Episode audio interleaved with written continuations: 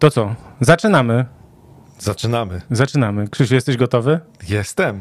Krzysztof Sendecki. I Michał Pacuda. Witamy serdecznie. To jest 50. podcast ProBasket y, Live. Y, nadajemy z Blaszak Studio w Starych Babicach. Jeśli ktoś chciałby tutaj też coś nagrywać, nie musi to być podcast, może też nagrać piosenkę, ale może też być podcast, może być o koszykówce, może być też o czymkolwiek ktoś by sobie zamarzył. Także polecamy y, Blaszak Studio. Witamy w naszej no, wielkiej zapowiedzi sezonu NBA, bo dziś pierwsze y, dwa spotkania, coś tutaj Krzyśkowi lata.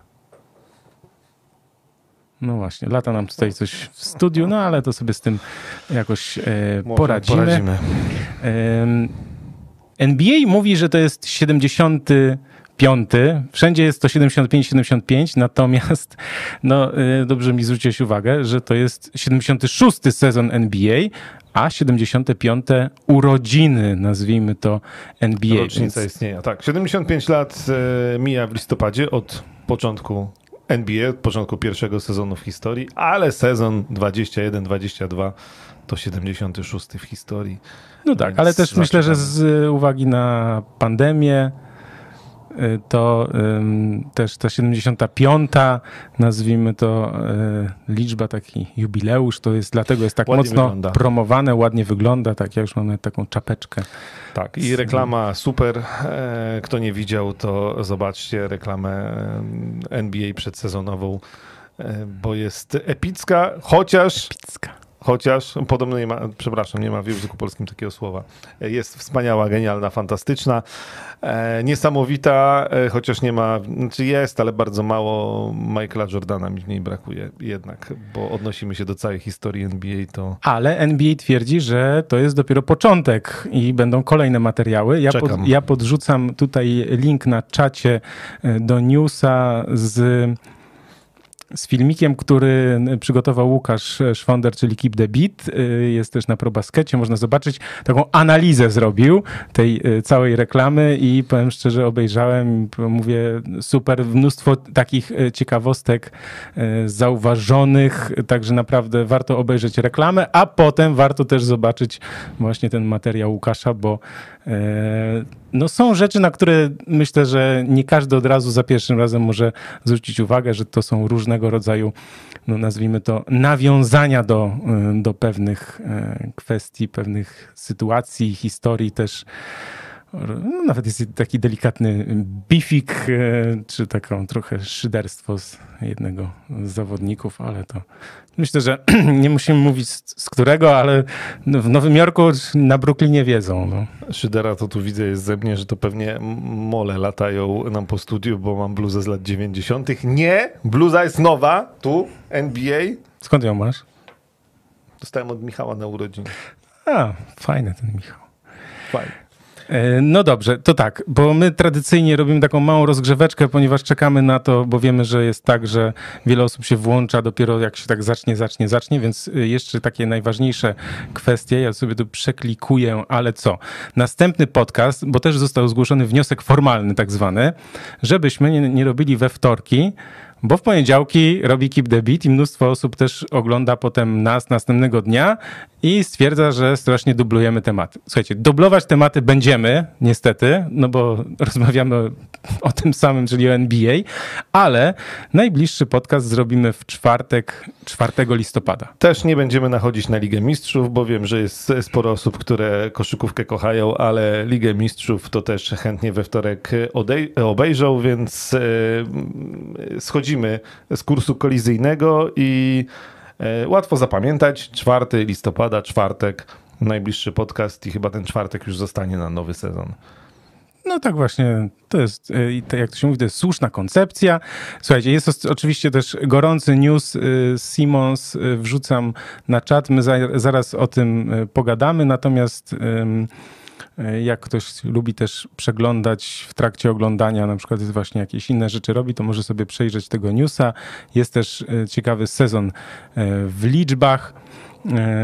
Tutaj też podrzucam e, na czat. I jeszcze jedna rzecz, że w tym sezonie w NBA na pewno padnie pewien tak zwany kamień milowy, czyli ktoś zdobędzie punkt numer 13 milionów. Ojej. Czyli znaczy 13-milionowy punkt w historii NBA. I tutaj też jest taki specjalny news na probaskecie, e, kiedy to ostatnio Julius Randle e, w 2018 roku zdobył punkty na 12 milionów. 11 milionów Carlos Boozer, też w barwach -hmm. Los Angeles Lakers w 2014, 10 milionów Ben Gordon w Detroit Pistons w 2010. Więc widać, że to tak co 4 lata te kolejne miliony tutaj są e, zdobywane, więc, więc też polecam. Mnóstwo dzisiaj informacji na ProBaskecie, no bo to jest dzień rozpoczęcia sezonu, więc jest e, gorąco. Godzina, Dzieje się tak, dużo. Godzina 21, odpowiadam tak, czwartek, 4 czwartek listopada, 20, tak, 21. godzina 21 zostaje. Godzina 21 zostaje, nasz podcast następny 4 listopada w czwartek. Tak, mnóstwo się dzieje, my dzisiaj będziemy typowali, no, będzie to zapowiedź, ale będą to po prostu nasze typy na wschód i zachód, na to jak to będzie naszym zdaniem e, wyglądało.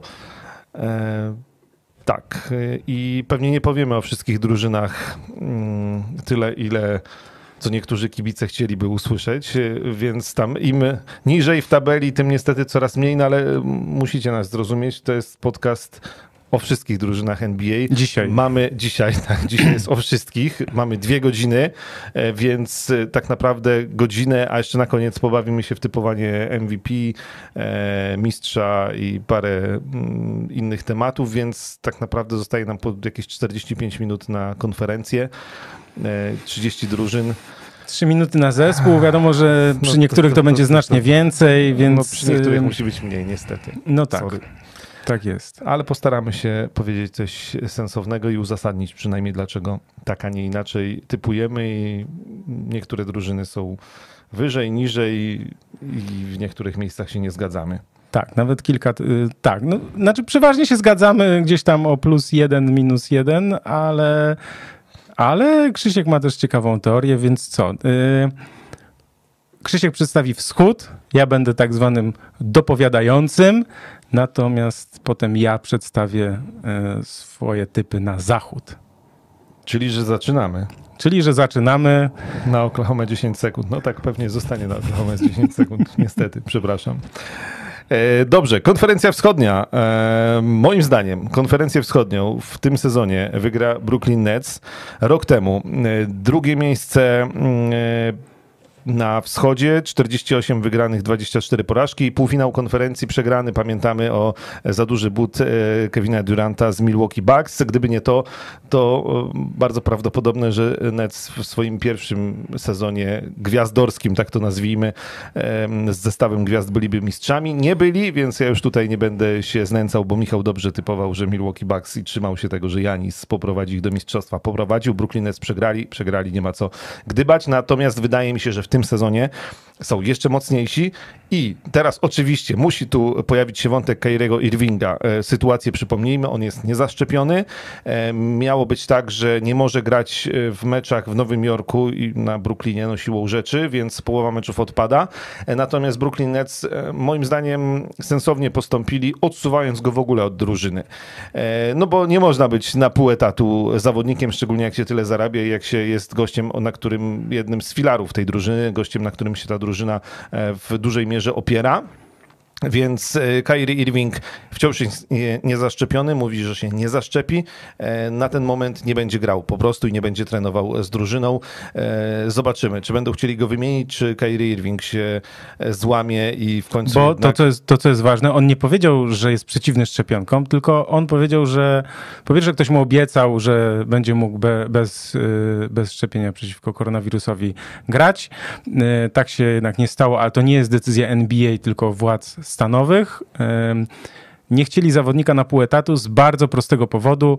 Nie można co chwilę zmieniać, że ktoś wchodzi do drużyny i zaraz z niej wypada. Czyli budowanie drużyny polega na tym, że musisz mieć każdy zawodnik odpowiada za pewne elementy, trzeba zbudować chemię, ale nie taką atmosferę, że my się lubimy, tylko że my wiemy na co kogo stać, kto jest za co odpowiedzialny, kto w danym momencie bierze na siebie ciężar gry. No i nie może być tak, że Patty Mills w co drugim meczu gra w pierwszej piątce, więc gra te pierwsze, nazwijmy to, minuty i potem siada na chwilę, a w następnym meczu jest tym zawodnikiem wchodzącym z ławki, bo to jest zupełnie inna rola i o to Brooklyn Nets chodziło, że y, za dużo zamieszania byłoby na parkiecie, ale też ciągle poza parkietem, ciągle były historie, gdzie jest Irving, co robi, jak podróżował i tak dalej, i tak dalej. E, mówi się o tym, że też Kevin Durant e, wyraził opinię w drużynie, że był pytany o to i raczej wszyscy się spodziewają, że jednak dla niego dobro drużyny jest ważniejsze niż to, że musi koniecznie grać z Kyrie Irvingiem. Pamiętajmy, że oni we dwóch przychodzili razem, jakby rozpoczynając budowę tej drużyny. Mówiliśmy rok temu, że ten poprzedni sezon to jest taki, w którym jeszcze Nets nie muszą zdobyć mistrzostwa, natomiast w tym muszą. To jest jedyny absolutny cel i konieczny. Kevin Durant będzie maksymalnie skoncentrowany od samego początku e, i będzie zdrowy. James Harden na pewno będzie zdrowy i James Harden nie będzie się oszczędzał e, i to moim zdaniem wystarczy do tego, żeby wygrać. E, dobra, do finału jeszcze dojdziemy, ale sezon zasadniczy na razie. Natomiast oprócz tego oni zrobili, zrobili bardzo dobre transfery. Co prawda odszedł e, Dinwiddie, który i tak nie grał z powodu kontuzji, odszedł Jeff Green, odszedł DeAndre Jordan, natomiast przyszedł, właściwie wrócił e, po problemach ze zdrowiem Lamarcus Aldridge, przychodzi Patty Mills, który będzie potężnym wzmocnieniem tej drużyny. E, doświadczony, niektórzy mówią stary, ale wciąż moim zdaniem bardzo przydatny Paul Millsap. Kilku zadaniowców, tam Johnson, Bembry, no a tak, no i, i co ważne, zostają, bo to też można potrafić traktować jako e, transfery. E, zostaje Joe Harris, zostaje Blake Griffin, e, więc to jest drużyna, która jest jeszcze mocniejsza niż w poprzednim sezonie. Moim zdaniem gotowi na tytuł i oni nie będą się oszczędzać, oni nie będą kalkulować, oni będą grali każdy mecz o zwycięstwo i, i dlatego na, u mnie na miejscu pierwszym Brooklyn Nets tak, no. Dobrze, u mnie na Brooklyn Nets na miejscu drugim, ze względu na to, że tych, których typuję na jedynkę, po prostu uważam, że będą mocniejsi, ale dla Nets e, im mniej zamieszania wokół Kyriego Irvinga, tym lepiej dla Nets, dlatego właśnie go odsunęli. Świetna decyzja z pozyskaniem Patty'ego Millsa. Kevin Durant rzeczywiście e, duża szansa na sezon MVP, natomiast też gdzieś tam są takie głosy, że być może będzie troszkę oszczędzany w trakcie sezonu, że nie będzie grał czy we wszystkich meczach, czy po prostu po 40 minut. Dlatego e, ja uważam, że mm, bardzo ważną postacią, być może nawet ważniejszą od Duranta, będzie w trakcie sezonu zasadniczego James Harden, bo jeśli on będzie w formie, to James Harden, pamiętamy z Houston Rockets, nie z tego sezonu, kiedy odchodził, ale z wcześniejszych lat, on nie odpuszcza, on gra zawsze na maksa, nie potrzebuje odpoczynku. On po prostu chce być cały czas w grze i ja mam taką taką, taki swój jakiś typ, że Kevin Durant będzie znakomity, natomiast James Harden może wykręcać jeszcze lepsze cyferki i może on być nawet w gronie MVP. Dojdziemy do tego na końcu, bo to też tak mi przyszło. Ale to dobrze, dojdziemy do, do rozmowy o MVP, to nie zdradzajmy wszystkiego. E, natomiast e, tak, i James Harden będzie przygotowany do tego sezonu w przeciwieństwie do poprzedniego, gdzie trochę te kontuzje pokrzyżowały plany, ale to myślę, że było następstwo właśnie słabego okresu przygotowawczego, bo czym inny był I zajęty. doktor z nadwagą, jak tak. to mówią. E, miejsce drugie, moim zdaniem Milwaukee Bucks, a więc rok temu trzecia drużyna sezonu zasadniczego, ale przede wszystkim mistrzowie NBA. E, wielki Janis e, z pomocą Chrisa Middletona, z pomocą Drew Holiday'a. Odszedł PJ Tucker, który też był sporą pomocą. Mm, natomiast przychodzi George Hill, właściwie wraca można powiedzieć i to jest taki zawodnik, który tam się bardzo przyda przychodzi Rodney Hood. Znów są mocni. Moim zdaniem będzie im bardzo trudno obronić tytuł mistrzowski. E, to jest generalnie praktycznie gotowa drużyna do tego, żeby, żeby grać. W sezonie zasadniczym będą grali, wygrywali. Ja mam wrażenie, że Janis znowu będzie nastawiony na tytuł, więc oni niekoniecznie będą musieli bić się o to, żeby być na pierwszym miejscu na wschodzie w sezonie zasadniczym, że playoffy będą ważniejsze dla nich i dla Janisa i ta obrona tytułu. E, natomiast mam też przy okazji teorię, że Janis też powinien być znowu w gronie kandydatów e, MVP. Znaczy on się nie wypisał z tego wyścigu w poprzednim sezonie, e, ale bo on grał na tym poziomie tak naprawdę, ale teraz po tym jak zdobył mistrzostwo, no to gdzieś tam podświadomie też wszyscy, no dobra, to on już udowodnił, tak, bo był dwa razy MVP, przegrywał playoffy, no to damy mu trzeci raz znowu, już pomijając to, że był Jokic, był Embiid i tak dalej, więc i tak by było trudno mu zdobyć MVP mimo dobrej gry, no ale też gdzieś tam podświadomie zostaje, że jednak w playoffach zawodził, że Milwaukee Bucks zawodzili. Natomiast teraz nie, teraz są mistrzami, teraz są wielcy. E, wielka drużyna, stawiam, że nie obronią mistrzostwa, ale, no ale będą mocni, będą w czołówce, będą bili się o najwyższe cele, mają już doświadczenie z playoffów i, e, i, i Janis, e, strach to powiedzieć, ale on jeszcze ciągle może być jeszcze lepszy. No właśnie, dlatego ja mam Milwaukee Bucks na pierwszym miejscu, e, bo uważam, że będą mocniejsi i groźniejsi e, niż przed rokiem, bo e, Wielka Trójka zdjęła, tak jak powiedziałeś, ogromną presję z, z siebie i teraz uważam, że Janis będzie jeszcze lepszy, bo zyskał ogromną pewność siebie. Ten komfort psychiczny, jaki będzie miał po, po zdobyciu mistrzostwa, pozwoli mu uwolnić pewne, nazwijmy to, yy, ukryte siły, jakie jeszcze w nim drzemią i, i myślę, że może wejść na jeszcze wyższy poziom, co jest przerażające, jeśli chodzi w ogóle o, o możliwości tego, tego zawodnika, atletyzm, ale właśnie ten komfort psychiczny może tutaj odgrywać kluczową rolę, że tak naprawdę będzie grał na luzie i może Milwaukee Bucks być znów najlepszą drużyną na wschodzie. Oni mogą, e, wcale nie muszą. Brooklyn Nets muszą, bo e, tam będzie źle, jeśli nie awansują do finału. Ale zobacz, większa presja będzie na Nets, mniejsza na Bucks. Kto, wtedy, kto, ma, kto jest pod mniejszą presją, ten ma większy komfort tak, psychiczny. Tak, tak. Też, też mi się tak wydaje. Naprawdę z pierścieniem gra się y, lepiej. Tak, tak to wygląda. E, dobrze, przechodzimy na miejsce trzecie, do miejsca trzeciego i zaczynam mieszać, żeby nie było tak, że lecę po kolei tak jak bukmacherzy przewidują. E, to, to trochę pomieszam. E, nie wiem, czy to jest wielka niespodzianka i czy to będzie wielka niespodzianka, ale ja na trzecim miejscu stawiam na Atlantę. Mhm. Atlanta Hawks, czyli największa niespodzianka poprzedniego sezonu. Drużyna, która była piąta po sezonie zasadniczym, ale doszła do finału konferencji po drodze, pokonując Filadelfię. Przegrała z Milwaukee Bucks 2-4 i tak. I to nie był wypadek przy pracy. Znaczy, to jest drużyna. Ja nie jestem pewna, czy ona jest w stanie powtórzyć e, finał konferencji w playoffach. Wydaje mi się, że nie. Natomiast jestem pewny, że oni będą e, w każdym meczu sezonu zasadniczego grali o zwycięstwo, będą walczyli, będą chcieli e, pokazać i udowodnić, że te playoffy nie były przypadkiem, że oni są dobrzy. Ta drużyna będzie bardziej wielowymiarowa niż w poprzednim sezonie, bo trochę mimo wszystko to wszystko tam było oparte w ataku o Treya Younga w obronie o wielkiego Clint'a Capelle. Natomiast e, John Collins podpisał kontrakt, więc ma już spokojną głowę. On i wszyscy dookoła może skupić się na e, wspomaganiu e, Treya Younga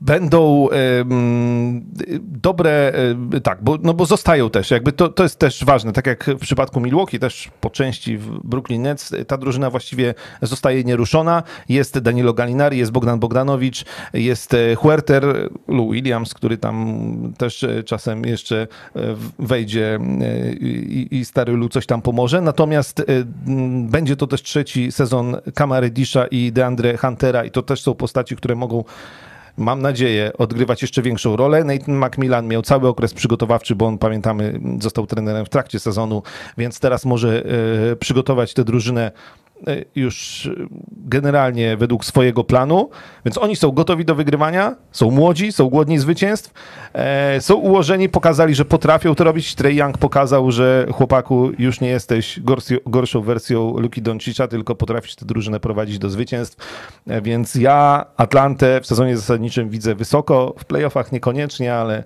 ale trzecie miejsce proszę bardzo. Ja mam Atlantę na czwartym miejscu, moim zdaniem Trey Young będzie lansowany na jedną z gwiazd NBA. Już to NBA robi, robiła przez e, te ostatnie, ostatni czas. Wcześniej nawet na wyrost moim zdaniem, natomiast widać, że pokładają w nim ogromne e, nadzieje. To, co powiedziałeś, John Collins podpisał pięcioletnią umowę i może się skupić na grze. E, to będzie drużyna, która na pewno będzie mocna w sezonie zasadniczym, bo tak jak powiedziałeś, młody zespół, wybiegany, e, głodny zwycięstw, e, udowodnienia tego, że ten finał konferencji wschodniej nie był przypadkiem, dlatego ja typuję ich na czwartym miejscu. Ja na czwartym miejscu. Mhm. I to jest e, kolejne coś, co jest pewnie może trochę na wyrost, ale ja w to wierzę. Chicago Bulls, miejsce czwarte. Nie po to się sprowadza takich koszykarzy, nie po to się buduje taką drużynę, żeby bić się o play-iny. E, dziesięciu zawodników przyszło, dziesięciu odeszło. E, rok temu, jeszcze cofnijmy się do tego. Jedenaste miejsce, nie załapali się nawet do play-in. Mm, chociaż już w tamtym roku zaczęła się budowa tej drużyny. Do Zaka Lawina dołączył Nikola Vucevic, ale po tym przejściu Vucevicza było gorzej jeszcze niż, niż wcześniej. No bo kolega nie jest znany z, z tytan obrony. Był problem e, z obroną zdecydowanie, też tam trochę z kontuzjami, e, natomiast no, problem z obroną wciąż będzie. Natomiast mam wrażenie, że jeśli Chicago Bulls przynajmniej będą mieli poprawną obronę, to to się obroni atakiem. To jest taka trochę, moim zdaniem, mniejsza wersja, słabsza wersja Brooklyn Nets. No dobrze, kto do Zakalawina i Nikoli Wuczewicza? Z tych, którzy zostali, Patrick Williams, czyli chłopak z poprzedniego draftu, który teraz będzie grał drugi sezon i się świetnie rozwija. E, I Kobe White został, który tam będzie pewnie rezerwowym, e, rozgrywającym, e, a to też czołówka draftu tylko 2019 roku. Ci, którzy przyszli, bo trochę nazwisk jest, to Demar DeRozan, czyli gość no, na poziomie All-Star, po dobrym sezonie w San Antonio Spurs.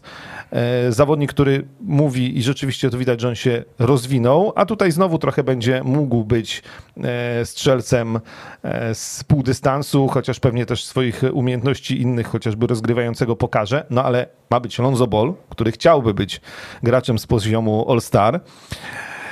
Człowiek z jednej strony niedoceniony do tej pory, z drugiej strony trochę nie potrafiący udowodnić, ale może też zależy to od środowiska, środowisk, w jakich się znajdował, e, tego, że rzeczywiście jest tak wielki, jak chciałby być. Tu ma szansę. E, Chicago Bulls będą grali, będą starali się grać szybki atak, wykorzystywać e, to, że jeszcze obrona rywali jest nieustawiona, będą biegać. Lonzo Ball w takiej koszykówce czuje się znakomicie, więc ma wszystko, e, żeby pokazać, że rzeczywiście jest gościem, który zasługuje na to, żeby być All-Starem.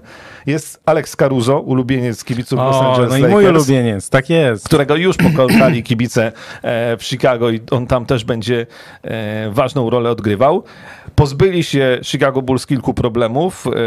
Przede wszystkim Markanena, który poszedł do Cleveland, bo do samego końca no nie było tak naprawdę, no nie, już nie było nadziei, że z niego coś będzie. Zobaczymy, co z niego będzie w Cleveland.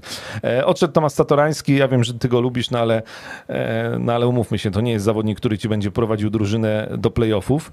No niestety. E, odeszło też paru ludzi w stylu mm, Valentina czy Younga, którzy byli tutaj, trochę się zasiedzieli w Chicago, ale niekoniecznie się sprawdzali, więc taki skład, wreszcie, Zaklawin ma drużynę, to też jest taki sprawdzian trochę dla niego, czy on jest rzeczywiście liderem, który może poprowadzić mocny zespół do playoffów. Zaklawin ma Nikolę Wukczewicza, ma Lonzo Bola, ma Demara DeRozana, ma Caruso, ma Williamsa. To jest drużyna, która moim zdaniem będzie grała piękną, efektowną, skuteczną, e, efekciarską momentami koszykówkę. Mam nadzieję, że to wystarczy do tego, żeby grać jeśli chodzi o wygrywanie, powiedzmy na poziomie Nowego Jorku z poprzedniego sezonu i to wtedy da czwarte miejsce. Co będzie w playoffach? No zaraz przejdę do mojego piątego miejsca. I, no ale dobrze, to poczekaj, to daj mi tylko ja, powiedzieć. Ja, ci, ja, już ci daję, powiem, że w playoffach to może się skończyć i na pierwszej rundzie. Natomiast w sezonie zasadniczym Chicago Bulls y, muszą wypalić. Jeszcze raz powtórzę. Nie po to się sprowadza takich graczy, nie po to wreszcie w tym Chicago buduje się drużynę z takimi nazwiskami, żeby bić się gdzieś tam o play-iny. to ma być porządne miejsce w playoffach i własna hala w pierwszej rundzie. Czyli ty mówisz Chicago Bulls na czwartym, ja mówię Chicago Bulls na szóstym miejscu. No, uważam, że na papierze to wygląda bardzo dobrze, natomiast wiemy, jakie są problemy Chicago Bulls od lat. Natomiast taka ciekawostka, najlepszy wskaźnik plus-minus w meczach przedsezonowych w całej NBA miał kto? Lonzo Ball plus 88. Więc to jest taki dobry prognostyk. To jest też, żeby zobaczyć, sprawdzić, że on e, rzeczywiście jest w formie, jest przygotowany do, do gry w tym sezonie. Także no tutaj powinny być playoffy, znaczy muszą być playoffy w Chicago, natomiast no Krzysiek mówi nawet, że będzie przewaga parkietu w pierwszej rundzie. Ja uważam, że jej nie będzie. Miejsce piąte, mhm. Miami Heat. To jeśli to się sprawdzi, to jest właśnie ta drużyna, na którą Chicago Bulls trafi w pierwszej rundzie i polegnie, bo Miami Heat y, to jest drużyna zbudowana na playoffy. To jest drużyna weteranów. To jest y, znowu tutaj taka trochę mniejsza wersja Los Angeles Lakers.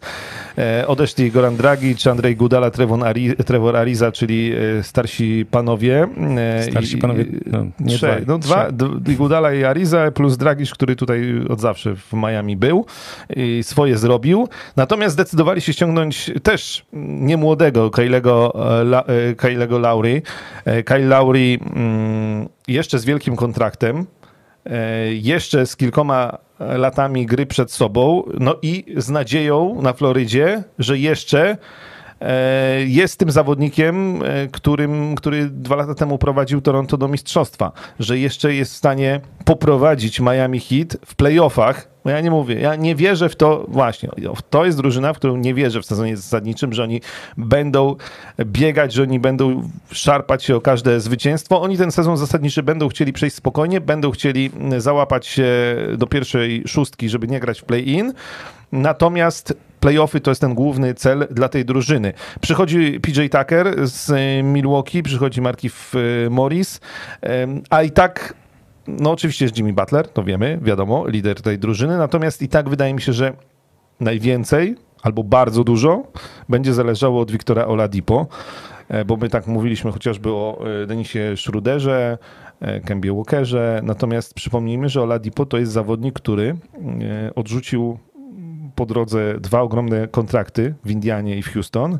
Ale teraz, tam swego czasu swoje zarobił. No, więc... Dobrze, natomiast teraz będzie grał za minimum e, i e, jeśli Oladipo e, nawiąże przynajmniej nawiąże do swojej formy z czasów Indiany, no to jeszcze to, to, to jest też spora nadzieja. Więc a jeszcze Pat może coś po drodze wykombinować do tego ten, ale to już na razie jesteśmy przy tych składach, więc Miami Heat spokojny sezon zasadniczy, e, spokojnie u mnie na piątym miejscu i e, drużyna, z którą nikt nie będzie chciał grać w playoffach. Też mówiliśmy o nich tak przed tymi playoffami, Milwaukee Bucks się po nich przejechali.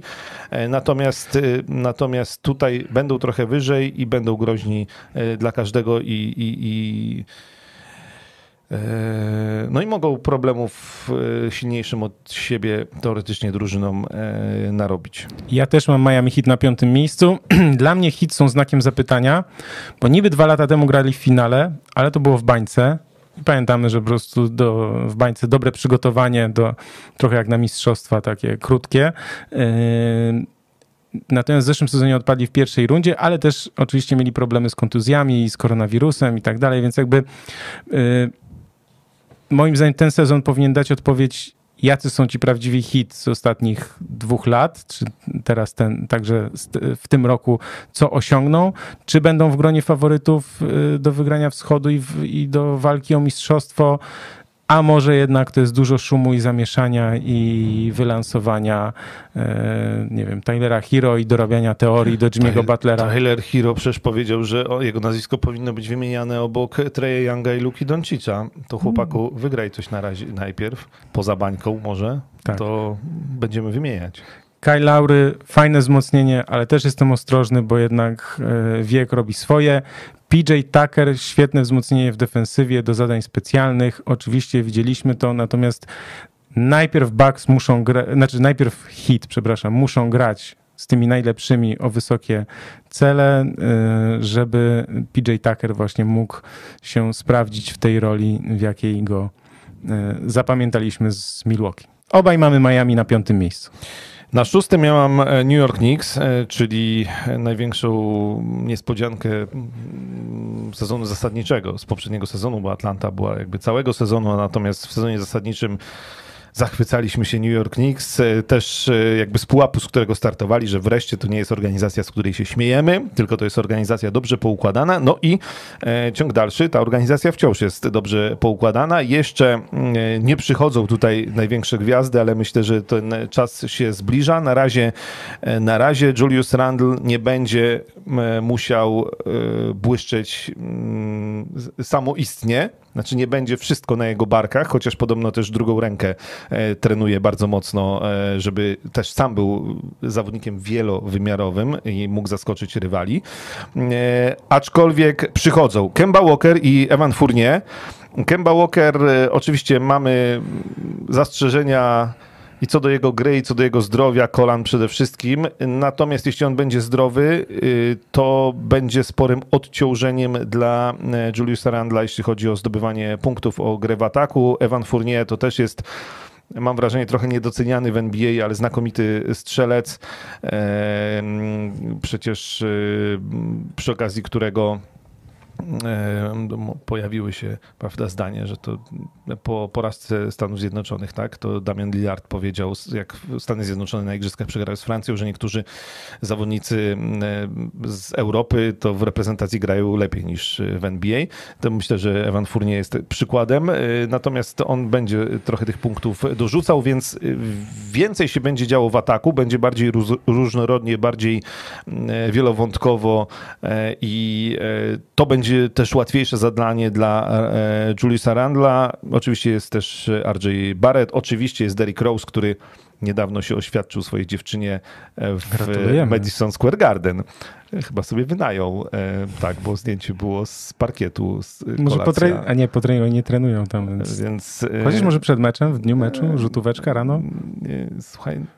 Chodź kochanie, bo tam musisz mi popodawać piłkę. Ja stawiam na to, że jednak na jakiś wieczór wynają Madison Square Garden na parę godzin. Więc y, tak, gratulujemy, ale Derrick Rose też wciąż jeszcze będzie wzmocnieniem. Y, odeszli y, Alfred Payton i Frank Tilikina, a więc raczej obciążenia tej drużyny niż ludzie, którzy jakoś ją wspomagali. E, I oni nie będą, wydaje mi się, że będą mieli trochę gorszą obronę, jakby samym tym, że, że Kemba Walker pojawi się na parkiecie. E, natomiast trzeba pamiętać, że ciągle Thibodeau jest ich trenerem, więc e, spokojnie tam w defensywie będzie ok, w ataku powinno być wielo, bardziej wielowymiarowo i łatwiej dla Juliusa Randla, więc dla mnie New York Knicks spokojne, szóste miejsce, awans do playoffów.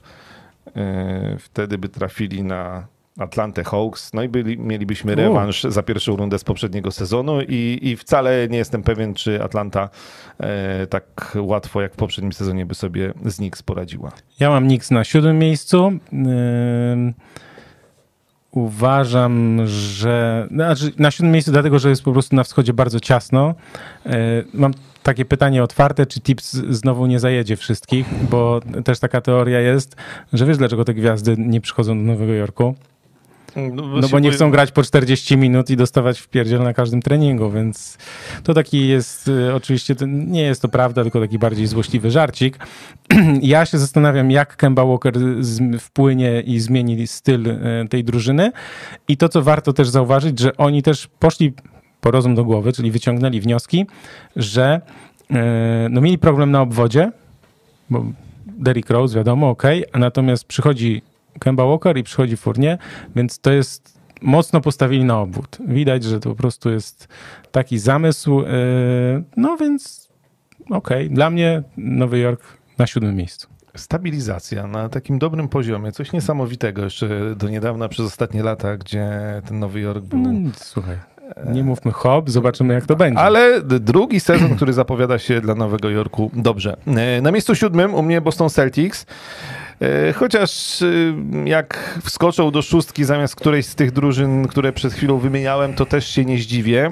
E, Boston Celtics E, no, rozstali się z Fournierem i z Kemba Walkerem, którzy poszli do Nowego Jorku, natomiast zrobili też transfer dobry o tyle botani, czyli ściągnęli Denisa Schrudera do siebie, który będzie grał tam za minimum, bo nie chciał parę miesięcy temu wielkiego kontraktu od Lakers. No to, no to nie.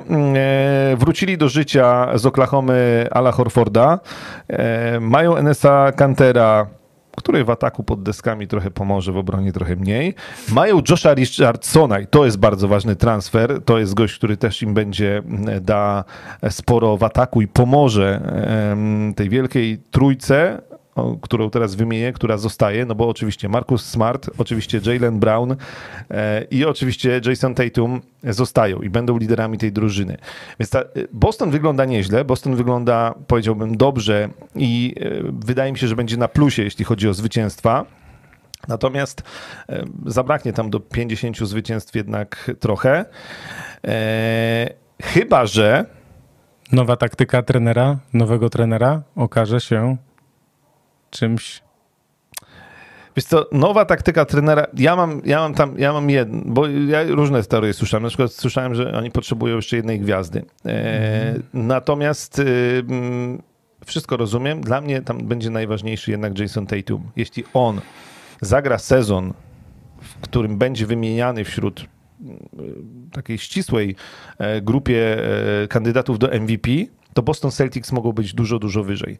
Znaczy Jason Tatum nie może grać trzech meczów w sezonie, gdzie rzuca 50 punktów i wszyscy o tym mówią, bo pobił rekord Larego Berda, e, a później e, iluś tam meczów, wiesz, 18 albo może i coś tam rzuca, ale Boston przegrywa, tylko musi być takim liderem, który prowadzi Boston do zwycięstw.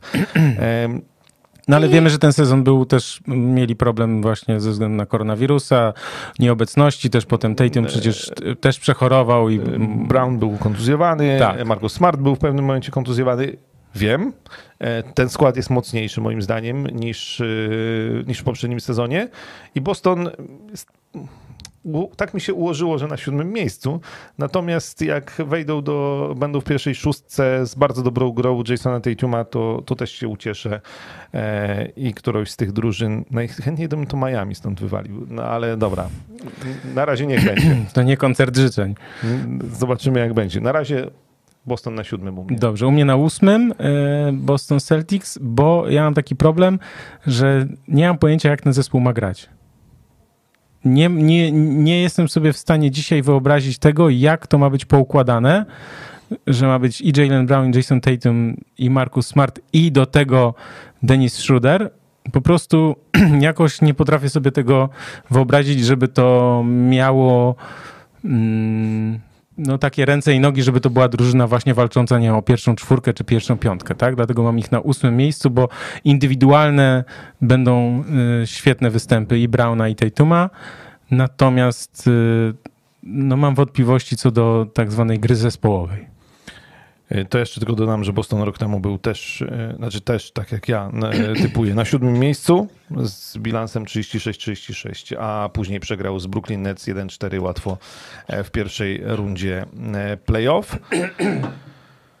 E, dobrze, na miejscu ósmym ja tam wyekspediowałem Filadelfię, w którą wierzyłem bardzo mocno w poprzednim sezonie. To chyba taki uraz, co? E, tak, uraz taki. E, Obrażonego kibica. W Filadelfii dużo będzie zależało od tego, jak rozwiąże się sprawa z Benem Simonsem. Nie wygląda to dobrze. Na ten moment, to, a dobrze, to najpierw odprawmy statystyki. Rok temu pierwsze miejsce po sezonie zasadniczym, aż 49 wygranych meczów w sezonie o 10 spotkań krótszym.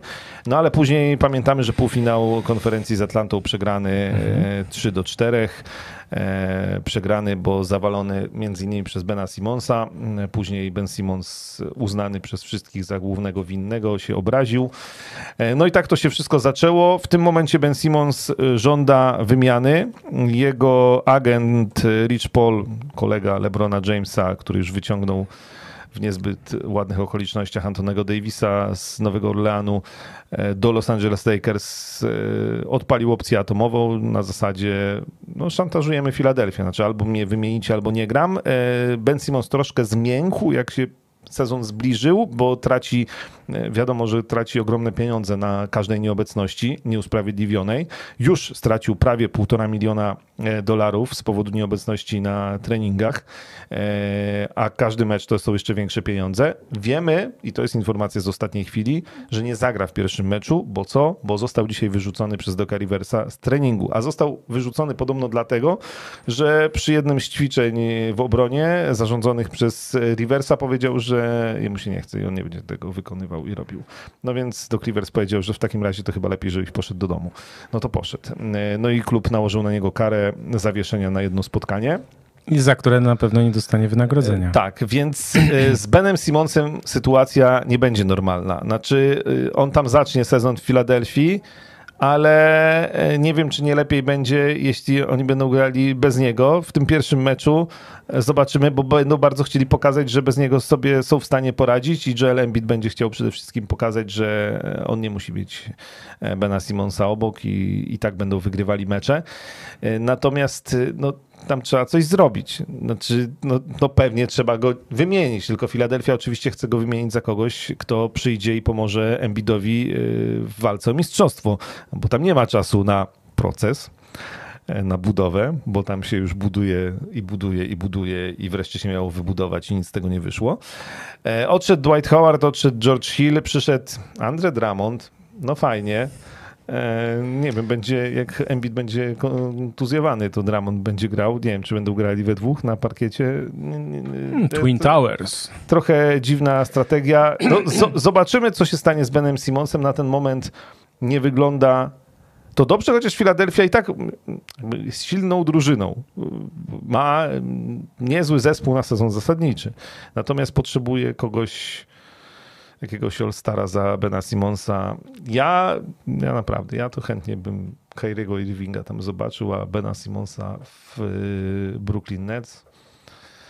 No bo wydaje mi się, że chociaż jak się uprą, no różne są opcje, tak, bo, bo mówiło się o Indianie, natomiast Malcolm Brogdon podpisał kontrakt, może, że John Wall, no ale co w Houston miałby Ben Simmons robić?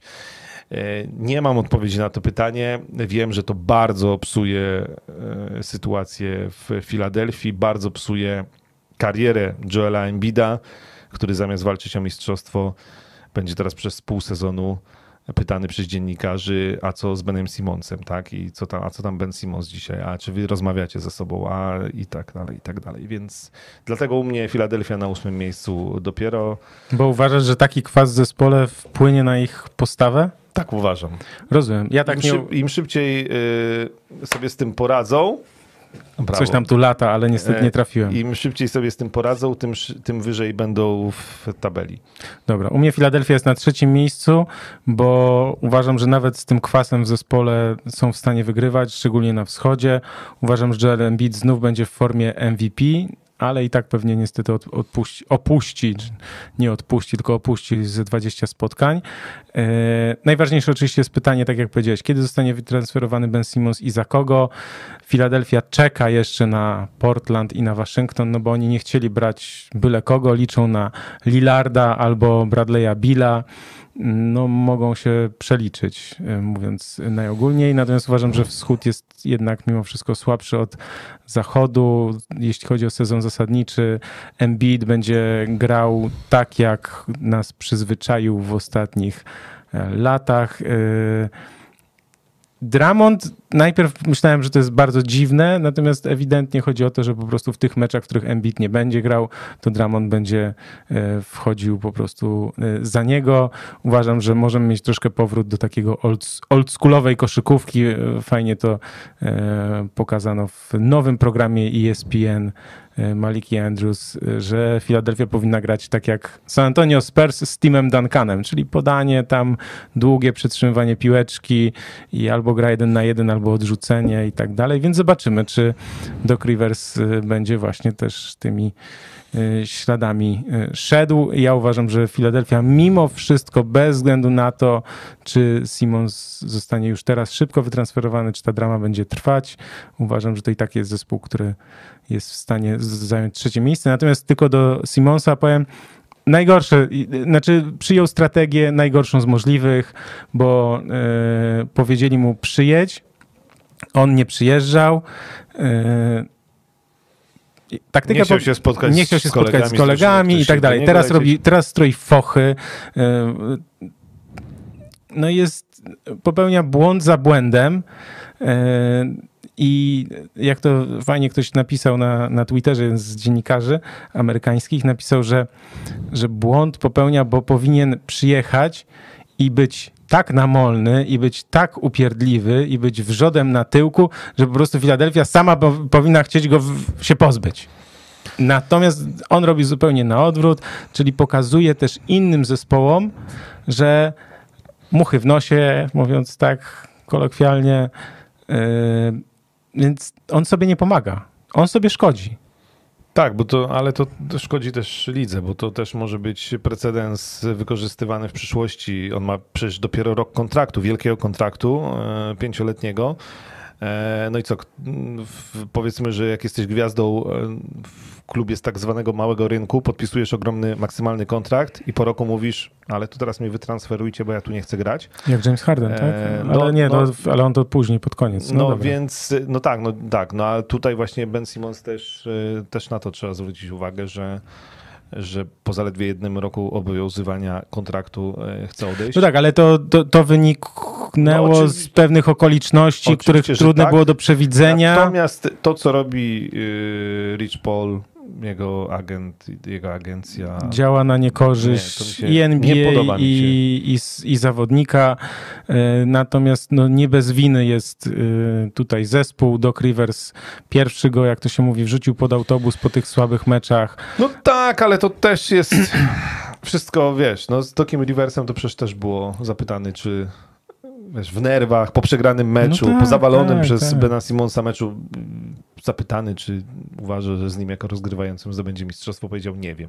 No pewnie w idealnej sytuacji idealny trener powiedział, powinien powiedzieć oczywiście wierzę w to bardzo mocno, no ale wiesz, no powiedział jak powiedział, no ale później nie, tam wszyscy, jak to się mówi, mają krew na rękach, więc yy, sytuacja jest słaba i, i będzie wpływała na to, jak gra Filadelfia. Dobra, jedźmy dalej. Ja tylko przypominam, poprosimy o łapki w górę, bo ja widzę 110, a ogląda nas 267 osób, więc no, prosimy o, o łapki w górę, bo to zawsze y, i też tak zwanego suba mówi, tak?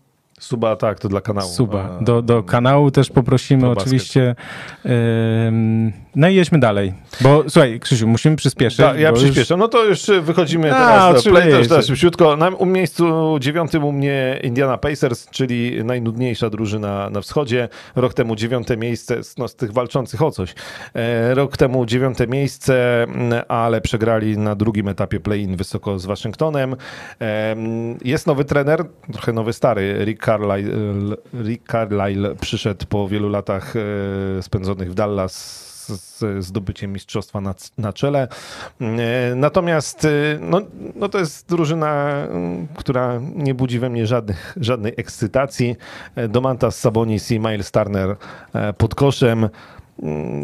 Trochę pytanie, jak się będzie spisywał TJ Warren, bo, bo miał bańkę w Orlando bardzo dobrą, ale później kontuzję. E, Jest Caris Levert, e, który... Ale też ma jakieś problemy ze zdrowiem. Tak, znowu Malcolm Brogdon podpisał i to jest informacja mm, też z ostatnich dni, podpisał kontrakt na dwa lata na prawie 90 milionów dolarów. No więc taka drużyna Nie, solidna. na 4 lata chyba. Nie no, 45. A, 45, usłyszałem 90, Boże, przepraszam. Pomyliło mi się. Y, W każdym razie drużyna, e, drużyna, mm, która jest solidna, bez zmian, znaczy no jest nowy trener, który ma i myślę, że pod ręką tego szkoleniowca to trochę, trochę lepiej ta Indiana będzie wyglądała, więc sezon zasadniczy ja ich postawiłem na dziewiątym miejscu, bo ja nie chcę, żeby oni byli w playoffach, no bo ja, to, jest nudne. Ja nie lubię Indiany, no przepraszam, nie lubię. Przepraszam wszystkich kibiców Indiany. Nie, dla mnie to jest e, e, nudna drużyna i nudna koszykówka, ale pewnie może się okazać tak, że i jak dobrze pójdzie, to i bez play-in do playoffów wejdą. U mnie na dziewiątym miejscu. Okej, okay, u mnie też. Co ciekawe, bo mówisz, że nudna, ale Pacers opuścili playoffy tylko dwa razy w ostatnich 11 latach. No trener Rick Carlisle wrócił i może mieć pomysł na tę drużynę. Ja jestem bardzo ciekaw, jaki to będzie pomysł. Malcolm Brogdon, jeden z moich ulubionych zawodników, jeśli chodzi o tak zwaną inteligencję na boisku. Także ja tak po cichu troszkę trzymam kciuki, życzę im jak najlepiej, natomiast rzeczywiście problemem są kontuzje TJ Warrena i Carissa Leverta. TJ Warren tą bańkę, tak jak powiedziałeś, miał znakomitą, rewelacyjną, wydawało się, że potem będzie świetny, natomiast no rzeczywiście... Chyba cztery mecze zagrał tylko w poprzednim sezonie, jak dobrze pamiętam, e, więc, no więc tak. Na miejscu dziesiątym e, u mnie Washington, Washington Wizards. Wizards. U mnie też. Rok temu ósme miejsce, przeszli play-iny, e, w pierwszej rundzie polegli z e, Filadelfią, chociaż w jednym meczu wygrali, sprawili problemy, niespodziankę sprawili. E, mają nowego trenera, Wes Anseld Jr. I to, co najważniejsze, to Bradley Bill wreszcie jest jedyną gwiazdą tej drużyny i mm. jest najważniejszą postacią. Nie ma nikogo obok, nie ma Johna Walla, nie ma Russella Westbrooka, tak jak w poprzednim sezonie. Jest Bradley Bill, który czeka na nowy jakby czeka z decyzją na podpisanie kontraktu, e, bo e, Myślę, że też trochę chce zobaczyć, jak ten sezon będzie wyglądał. I to nie jest takie nierealne, że on w trakcie sezonu, jak tu nie wypali, to jednak zdecyduje się opuścić Waszyngton, chociaż bardzo tego nie chce. E, przyszło trochę nowych ludzi. Mm, e, Caldwell Pope, e, Dinwiddie z Brooklynu, e, Montrez Harrell, Aaron Holiday, Kyle Kuzma. Trochę takich spadów z różnych mocnych drużyn. Koszykarzy, którzy gdzieś tam nie do końca pasowali mm, do walki o mistrzostwo. W sumie daje to ciekawą mieszankę, tylko trener Anselt musi ją sobie poukładać wokół Bradley'a Billa. I to może wypalić tym, że oni się zakręcą koło miejsca playoffowego. Ja jednak no, wydaje mi się, że będą potrzebowali na to trochę czasu.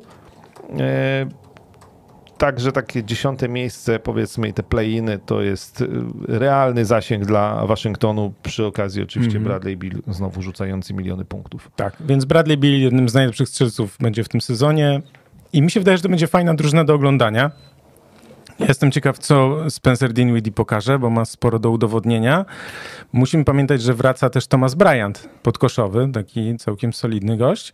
No i to przyjście właśnie KCP, Harrell, Kuzma, to są tacy goście, którzy też mają sporo do udowodnienia. Mhm. Więc to, jeśli to się dobrze to poukłada i, i zaskoczy, to, to ja ich mam na dziesiątym, to jest taki bezpieczny typ. Natomiast ja bym się nie zdziwił, jakby oni wskoczyli na, na, nawet na ósme, ósme, może nawet i na siódme, nie wiem. Y, ale że to jest drużyna naprawdę z potencjałem na taką solidną ekipę. Nie właśnie tak jak powiedziałeś, że nie ma Bradley Bill jedna gwiazda, ale ma wokół siebie naprawdę niezłych zawodników i no i zobaczymy jak I tak będzie. naprawdę z każdej pozycji tutaj obsadzone to wszystko całkiem tak. nieźle, więc E, tylko bez przesady, bo tam chyba jakiś, o jakiś samochodzik się założyłem, że ten, żeby nie byli wyżej niż Chicago. E, na jedenastym miejscu Charlotte Hornets, e, rok temu dziesiąte i to była akurat niespodzianka na plus. Polegli z Indianą na pierwszym etapie play-in. Ta końcówka sezonu była słaba, ale też po drodze mieliśmy kontuzję Lamelo Bola. Lamelo Ball powinien być jeszcze lepszy niż był, ale i tak największe pytanie jest o zdrowie Gordona Haywarda. No bo jeśli Lamelo Ball, Gordon Hayward i Terry Rozier będą e, zdrowi, będą grali, to oni będą chcieli e, wygrywać. E, wielkiej pomocy nie dostali, bo mówmy się, że Kelly Oubre to a nie wiem, mo, może... No, do rzucania, do, do zdobywania punktów. Golden State no. Warriors się nie sprawdził, może w Hornets. Um, odszedł y, do Bismarck Biombo, który tam był, odchodził, wracał. Człowiek zawsze, jak mi się kojarzył... Z playoffami z Toronto, tak? Kiedy tam... Jakby Hornets to Biombo od zawsze i tak nie do końca wiedziałem e, o co Kaman, natomiast Natomiast y, no, tym razem, ponieważ jest ciasno na wschodzie, jakby tego nie układać, to, e, no to może to nie wystarczyć nawet na play-in, szczególnie jeśli Gordon Hayward będzie miał problemy ze zdrowiem, to wydaje mi się, że sam Lamelo Ball z Terem Rozierem tego nie uciągnął. No tak, moim zdaniem gra Charlotte Hornets będzie zależała w bardzo w największym stopniu od Lamelo Bola, bo z jednej strony doświadczenie debiutanta i takie frycowe, nazwijmy to, już ma za sobą. Teraz powinno być już tylko lepiej. On cały czas się rozwija, w sensie trenował ciężko, nie ma kontuzji, fizycznie się rozwinął. I na pewno będziemy świadkami efektownych bardzo zagrań Lamelo Bola. Highlightsy będą pełne jego niesamowitych asyst i w ogóle tam czarowania i tak dalej.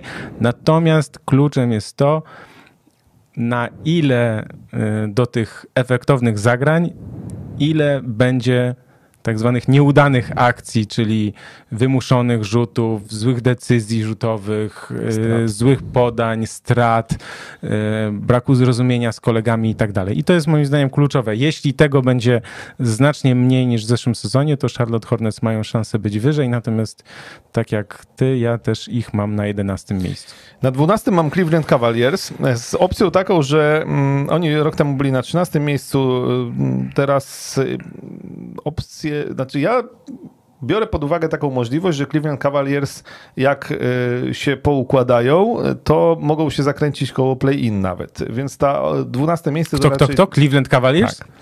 Wow! E, nie, no popatrz na ich skład. E, Colin Sexton będzie jeszcze lepszy niż w poprzednim sezonie. Chedi Osman to jest mój faworyt e, z okay. Turcji. E, przychodzi na przykład Lauri Markanen, który ma kolejny gość, który ma bardzo dużo do udowodnienia. Został Jared Allen. No, Kevin Alowa to już może nie, Kevin Alowa. Nie, nie wymieniam, ale na przykład Ricky Rubio przychodzi do pokierowania tej, tą drużyną. Ja nie mówię, że oni będą bić o nie wiem, szóste, ósme miejsce, ale o dziesiąte, e, w zależności od tego, co będzie działo się w Waszyngtonie, w Charlotte, w Indianie, no tak. E, to jeśli to mądrze poukładać, to, e, to tutaj myślę, że Bardziej to jest takie twierdzenie, że fani Cleveland Cavaliers mają nadzieję, że oni się zakręcą koło play-in. Ja nie jestem fanem Cleveland Cavaliers, ale tak popatrzyłem na ten skład na tego Rickiego Rubio, może, może tu, może w Cleveland, może ten, nie wiem, Markanen, Sexton, no oczywiście tu wszystko musiałoby, wszystko mhm. musiałoby zagrać e, idealnie, żeby, żeby oni powalczyli e, o to, żeby ten sezon za szybko się nie skończył. E, chciałem tylko dodać, że Matthew Delavedowa, człowiek, który kiedyś był ważną postacią mistrzowskiej drużyny, tak, tak, zakończył oczywiście. wieloletnią przygodę z NBA, e, będzie grał w lidze australijskiej na stare e, lata. E, Okej, okay, ja o Cleveland, ty masz na którym miejscu? Na 12, tak? Ja mam ich na miejscu 12. Tak. Dobrze, ja mam na 13. Jeden z dwójki rozgrywających, Sexton Garland, będzie musiał odejść, zostać wytransferowanym, więc pytanie właśnie jest, no bo nie możesz grać na dwóch gości po 1,85 m. Po prostu to się, jak chcesz wygrywać, bo jak chcesz podaj do mnie, ja nie, no, szczelę do kosza, to oczywiście. Gościem, który jeszcze no właśnie, fajnie, fajnie będzie rzeczy. się oglądało na pewno Jareta Allena, natomiast myślę, że to jeszcze nie ten moment dla Cleveland, dlatego ja mam ich na 13 miejscu.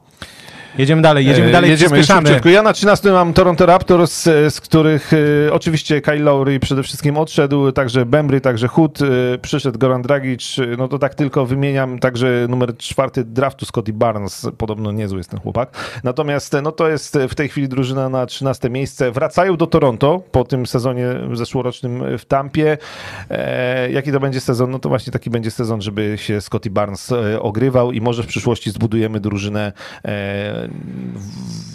ale czy to by oznaczało, że Pascal Siakam zostanie pożegnany, twoim e, zdaniem? Może być tak. Znaczy ja myślę, że już w Toronto doszli do tego, że Pascal mm. Siakam nie jest zawodnikiem, który e, będzie liderem. Miał jeden dobry sezon po prostu ale też na poziomie All-Star, ale... Nie, to, to nie okay. jest człowiek, który poprowadzi ci drużynę do walki o mistrzostwo, więc e, myślę, że raczej budowanie wokół Scottiego Barnesa albo... No i jeszcze OG Anunobi tak, no, i Chris no więc Butcher. dlatego może to będzie taka drużyna budowana wokół, znaczy z kilkoma ważnymi postaciami. Dobra, ja mam Toronto Raptors na 12 miejscu, bo myślę, że i Siakam i Dragic jednak nie pozwolą, żeby tam się za bardzo, żeby za bardzo szorować po po dnie tabeli. No i najważniejsze moim zdaniem jest to, że jednak ten powrót do domu to będzie miało znaczenie, w sensie, że będą grali w Toronto, a nie w Tampie.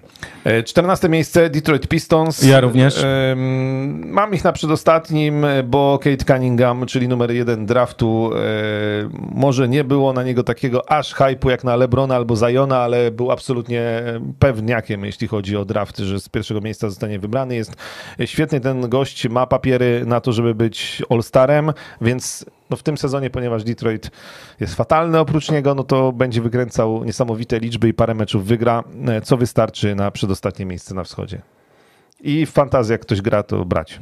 Tak, ja odnośnie Kejda Cunninghama, to jest Krzysiek Dziadek z ProBasketu mi tutaj podpowiedział takie ładne zdanie, że Pistons będą rozpieszczać Cunninghama.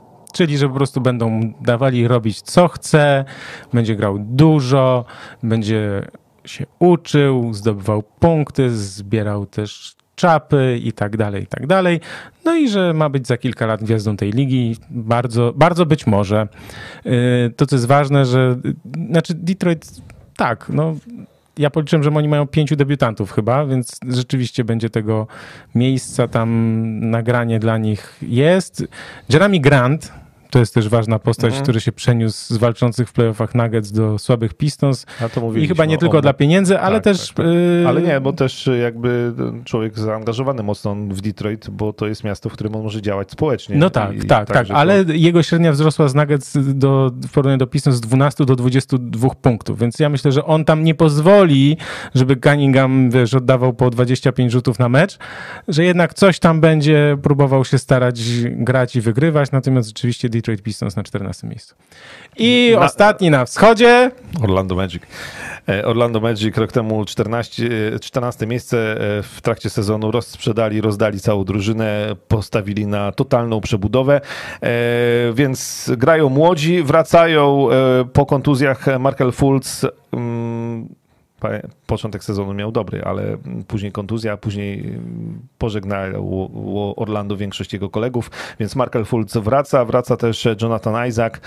E, Orlando będzie sobie grało wesołą, młodą koszykówkę. Mm, zobaczymy, co z tych młodych chłopaków wyrośnie, natomiast w tym sezonie to będzie drużyna, która wygrywać będzie od święta. Y, to jest tak zwany sezon przejściowy i śledzić y, poczynania tego zespołu będą koneserzy. Tak. Więc y, tutaj, no niestety, w sensie mają fajnych, perspektywicznych kilku graczy.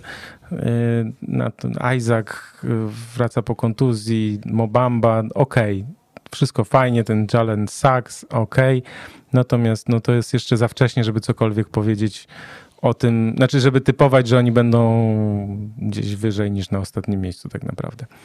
Yy, więc to tak. Yy, to co? Poprosimy o grafikę, bo tutaj yy, Krzysiek przygotował, znaczy nie Krzysiek, ale Krzysiek załatwił, słuchajcie, grafikę Jak schodu. Jak się ta grafika pojawi, to ja powiem. To co powiesz?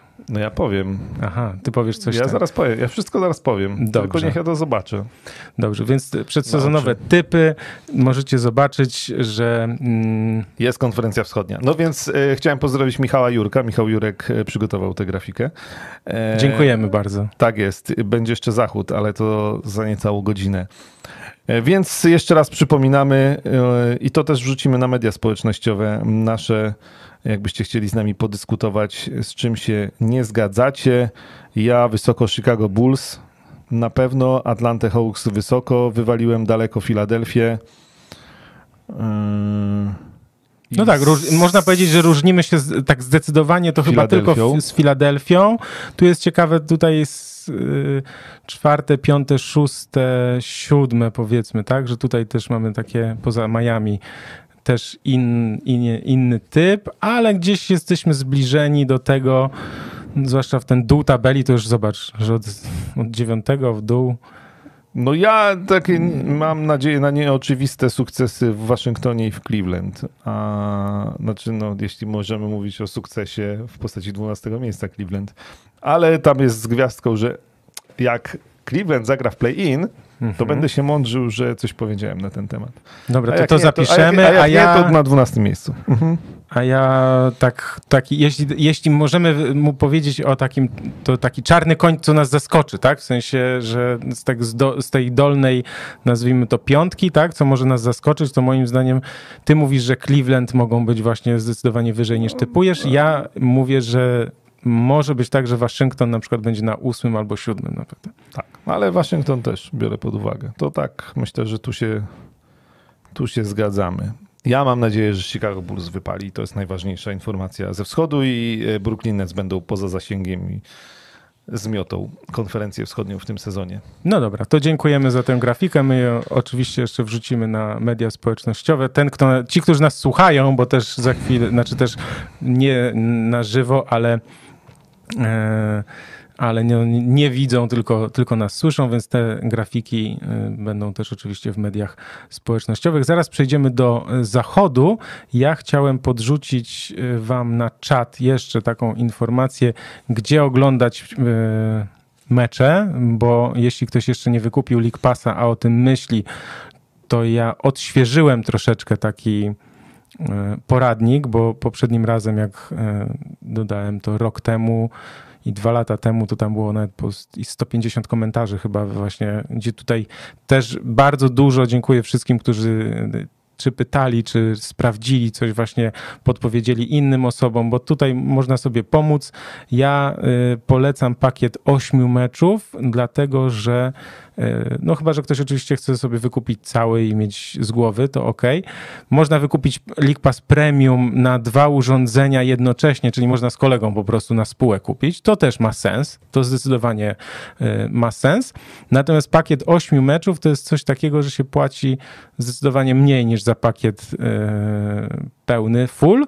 Natomiast te mecze są w formie takich, że 8 na miesiąc, że to jest w formie takich kredytów, które się z no, które się nazwijmy, są dodawane do naszego, do naszego konta co miesiąc. No i jak ktoś nie obejrzał 8 meczów na przykład w danym miesiącu, no to w następnym miesiącu ma już 16, tak? Więc jakby można sobie spokojnie, ten sezon jest długi, oczywiście wiadomo, że jest mnóstwo meczów, ale, ale jednak można skorzystać. Ja w ten sposób, że nie rezygnowałem na wakacje, a w NBA w wakacje nie gra, więc uzbierałem już kilkadziesiąt tych kredytów, bo po prostu mi tam ściąga z karty 26 zł i to nie jest jakiś wielki ból, mówiąc najogólniej, e, żeby te płacić, a dzięki temu właśnie no nie wykupuję tego pakietu takiego full co roku, tylko mam e, w taki e, właśnie sposób.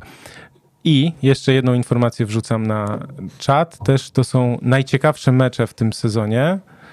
Najciekawsze mecze. To Krzysiek Dziadek, którego serdecznie pozdrawiam, wybrał te mecze.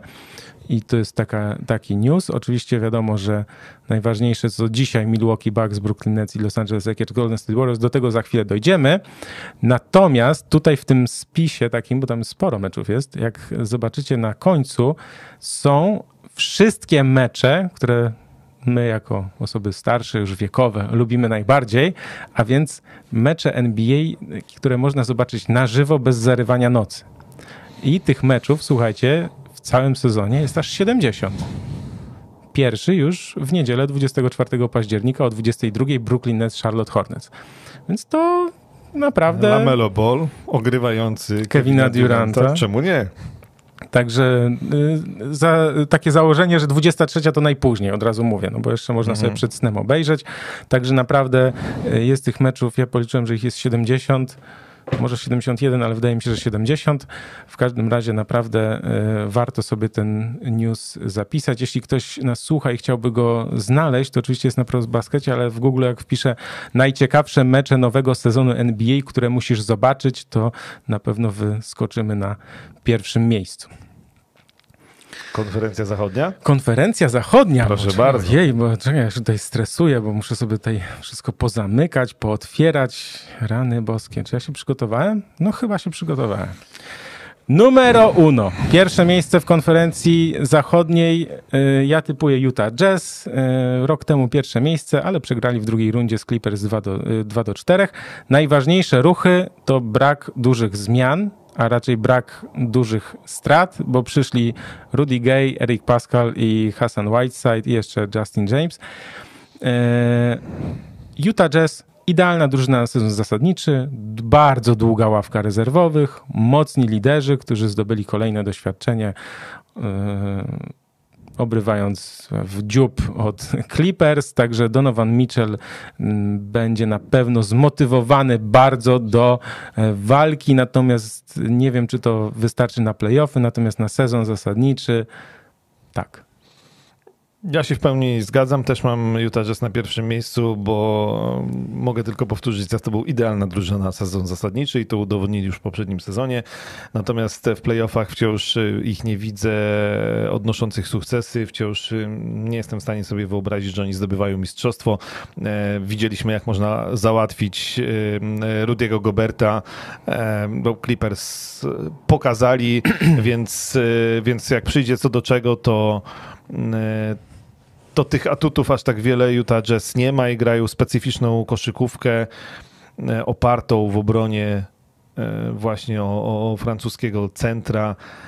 E, I jak masz dobry pomysł i dobry niski skład, to można sobie z tym spokojnie poradzić. Co było zaskoczeniem?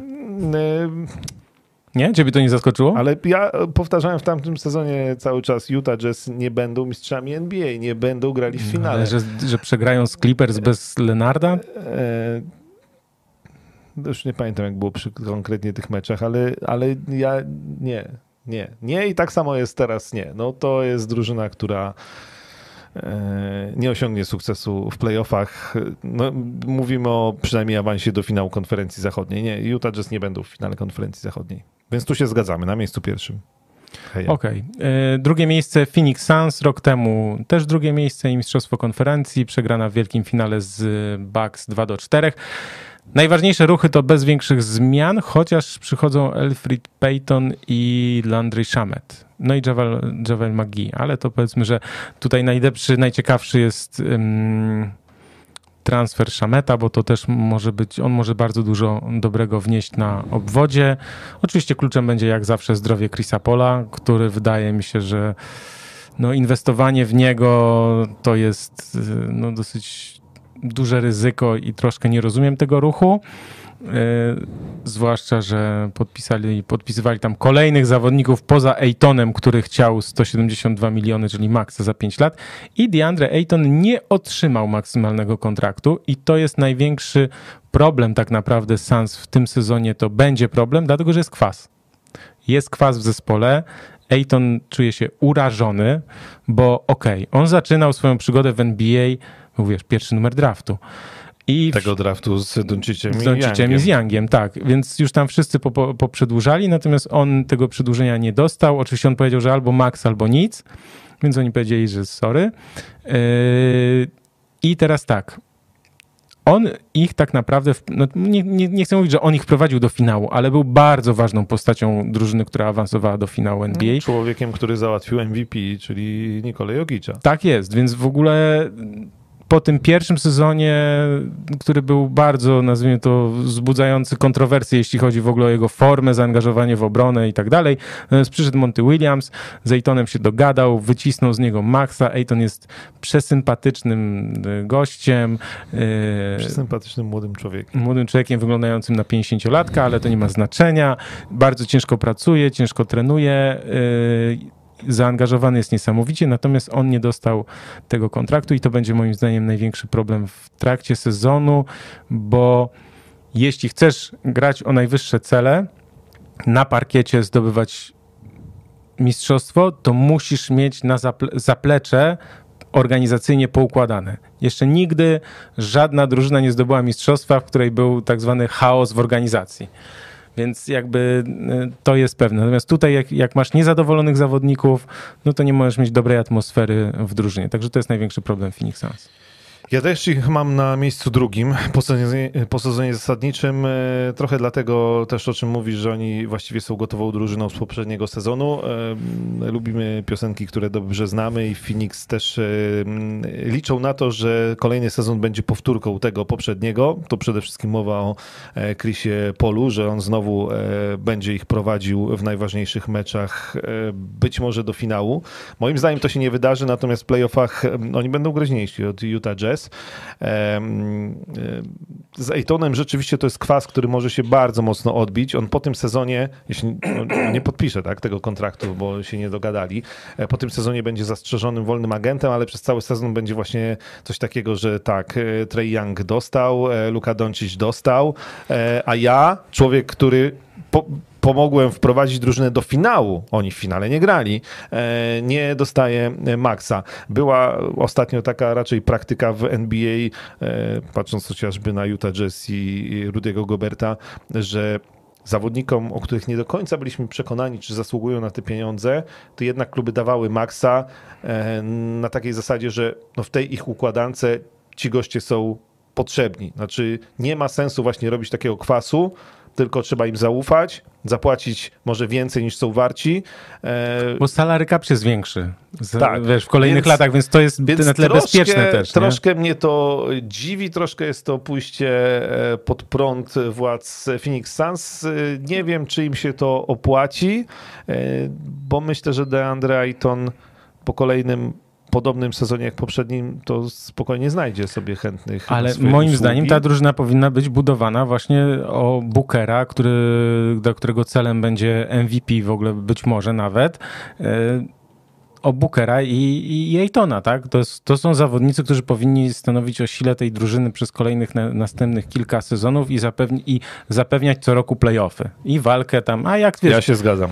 Natomiast taki ruch bardzo dziwny, tutaj widzę na jeden z komentarzy, że y, dla mnie Phoenix będą mieli problem z wejściem do playoffów, zobaczycie zeszły sezon przypadek. No być może, aczkolwiek nie, nie sądzę. Nie, Devin Booker, DeAndre Ayton, Chris Paul, y, a jak coś to Javal McGee, mistrz olimpijski. Okej. Okay. Proszę bardzo. Przynajmniej będzie fajnie.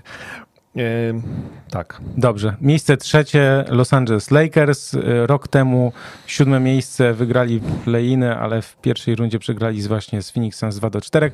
Pamiętamy, że oczywiście z powodu kontuzji LeBron opuścił aż 27 meczów, a Anthony Davis aż 36.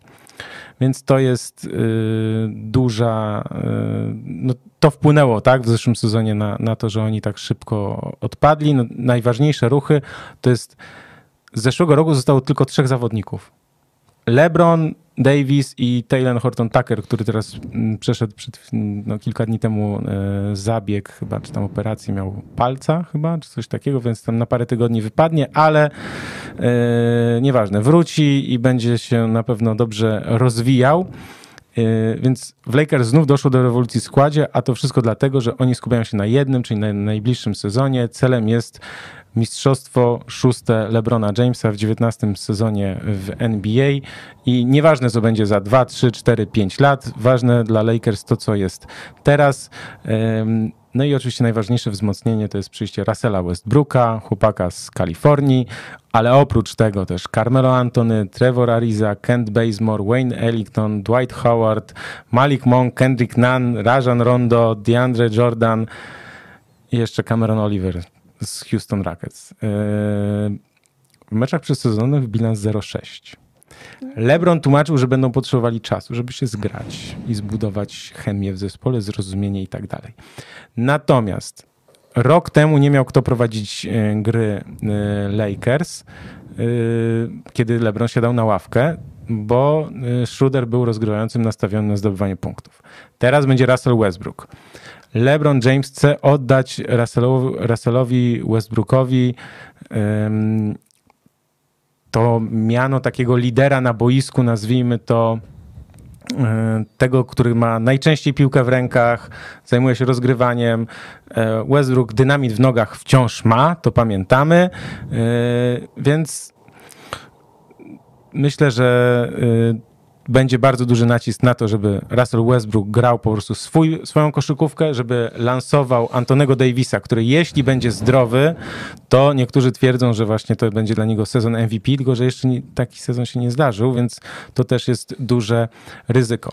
Los Angeles Lakers typowani są oczywiście w gronie faworytów do mistrzostwa, no bo wiadomo, doświadczenie i tak dalej, natomiast dla nich najważniejsze jest to, aby ten sezon w ogóle dograć do końca, i do playoffów wejść w optymalnej formie bez kontuzji. A już wypadł Ariza, już młody Horton Tucker też ma uraz, natomiast yy, ci, którzy twierdzą, że, um, że Lakers są za starzy i z tego nic nie będzie, to, to ja mówię spokojnie, bo w przeciwieństwie do poprzedniego sezonu, kiedy Davis i LeBron wypadli i nie miał kto tam grać i rzucać, to słuchajcie, Kendrick Nunn pokazał nam to i w bańce, i w zeszłym sezonie. Bardzo dobry zawodnik, świetny ruch ze strony Lakers, w ogóle, że udało się go pozyskać. Malik Monk to samo, też bardzo dobry y, strzelec, więc tutaj moim zdaniem y, będziemy świadkami bardzo ciekawej gry Los Angeles Lakers. To znaczy, ja chcę to zobaczyć bardzo. Każdy mecz Lakers moim zdaniem będzie elektryzujący na plus dla tego zespołu albo na minus i będzie rozkładany na czynniki pierwsze i tak dalej, i tak dalej. Także, mm, tak jak powiedziałem, największym problemem Lakers jest to, że dziewięciu zawodników ma więcej niż 30 lat. E, to najwięcej w NBA, drudzy są Nets 8, a Clippers mają 7. No ale Właśnie, pytanie jest takie, czy LeBron James, czy w ogóle można na nich patrzeć, w sensie myśleć o sezonie zasadniczym? Moim zdaniem powinni to trzecie miejsce ugrać. LeBron James jest mądrzejszy o kolejne e, doświadczenia związane z kontuzją, natomiast on też, co ciekawe, powiedział, że e, on nie będzie odpuszczał load management go nie interesuje. Więc to też jestem ciekaw, zobaczymy. Jeśli Lakers nie będą mieli problemu ze zdrowiem, to spokojnie trzecie miejsce i walka o mistrzostwo. Do domu spokojnej starości w Kalifornii dołączył jeszcze Avery Bradley. A, no tak. To jest informacja z ostatniej chwili. Sprawdzałem, 31 lat ma, więc nie taki jeszcze stary jak na A, to czekaj, to będzie ich, yy, to będzie ich 10 po 30. E, wow. To jest tak, y, to też wzmocnienie. Ja mam Los Angeles Lakers na czwartym miejscu, bo uważam, że będą bardzo nie be, będą bardzo nie chcieli powtórzyć nie będą chcieli powtórzyć, o tak, nie będą chcieli powtórzyć tego, co działo się w poprzednim sezonie, czyli że tam koniec końców oczywiście za sprawą kontuzji w sporej mm, części spadli do play-in, więc takie spokojne mm, wejście i z przewagą hali do playoffów y, to ja widzę mm, na luzie, natomiast dla mnie to jest drużyna, wiem, dojdziemy do, na koniec do tego, ale to jest drużyna na mistrzostwo. Znaczy, jak tam wszyscy będą zdrowi, to Lakers grają o mistrza, no i finał Lakers Nets i, i heja, no i tyle. I LeBron James na nic innego nie pozwoli i, i zapomnijmy, wiek to tylko liczba, więc zapomnijmy o tym, ile lat kto tam ma. Jeśli będą zdrowi, to, to Lakers jak dla mnie są faworytem do wygrania konferencji zachodniej na pewno. E, a, a jakby tak LeBron jeszcze na koniec kariery o MVP sobie zawalczył? Nie, nie, nie. Ja myślę, że będzie, że będzie duży nacisk na to. Znaczy sam LeBron nie będzie chciał być właśnie tym zawodnikiem mającym ciągle piłkę w rękach i myślę, że on też to, że dużo rzuca w ostatnich latach, dużo więcej rzuca z dystansu, że tam gdzieś ucieka to myślę, że on. Że inaczej, ja myślę, że on będzie du dużo grał, w sensie, że nie będzie odpuszczał load, man load management i tak dalej, ale że będzie grał tak, wiesz, trochę nie, tak, trochę nie jak on, tak? Czyli, że masz Westbrook, masz raz piłkę i jedziesz, tak? No, e, ustawienie, jakby wykorzystanie Russella Westbrooka może okazać się kluczowe, żeby on nie został zawodnikiem e, nieużytecznym w ataku e, i zawodnikiem, który nie nadąża w obronie, albo żeby nie stał się jakimś tam zmiennikiem rezerwowym. Nie, nie, no to, to w ogóle nie wchodzi w grę. Jakby gra, znaczy bardziej grającym pod nieobecność LeBrona Jamesa, będącym na parkiecie. Nie, nie, nie, nie. Więc... to już ja, wie, jestem pewien. Pierwsza piątka Westbrook z, z LeBronem i z Davisem na pewno, natomiast właśnie te, takim graczem, który będzie w, jak w tej, jako zmiennik, tak? Druga kwarta to Kendrick Nunn będzie tam po prostu zdobywał punkty, bo to jest od tego właśnie człowiek. E... Także wykorzystanie Russella Westbrooka to może być klucz do sukcesu i E, jeśli to się uda, to, to myślę, że tam już się e, wszystko uda, a super rezerwowym może być Melo. Proszę bardzo.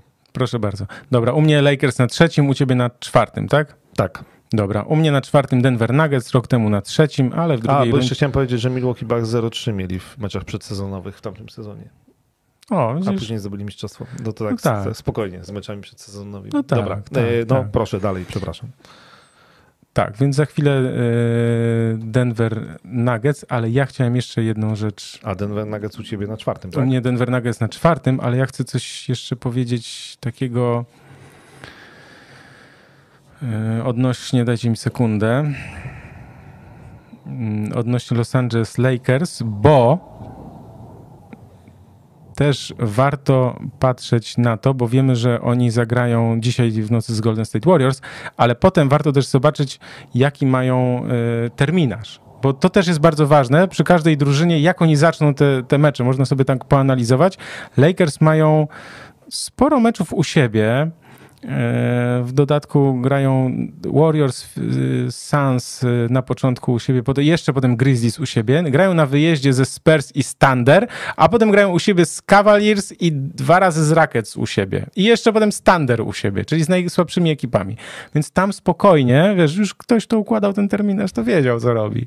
Po, wiesz, więc także... Żeby tam za często nie przegrywali.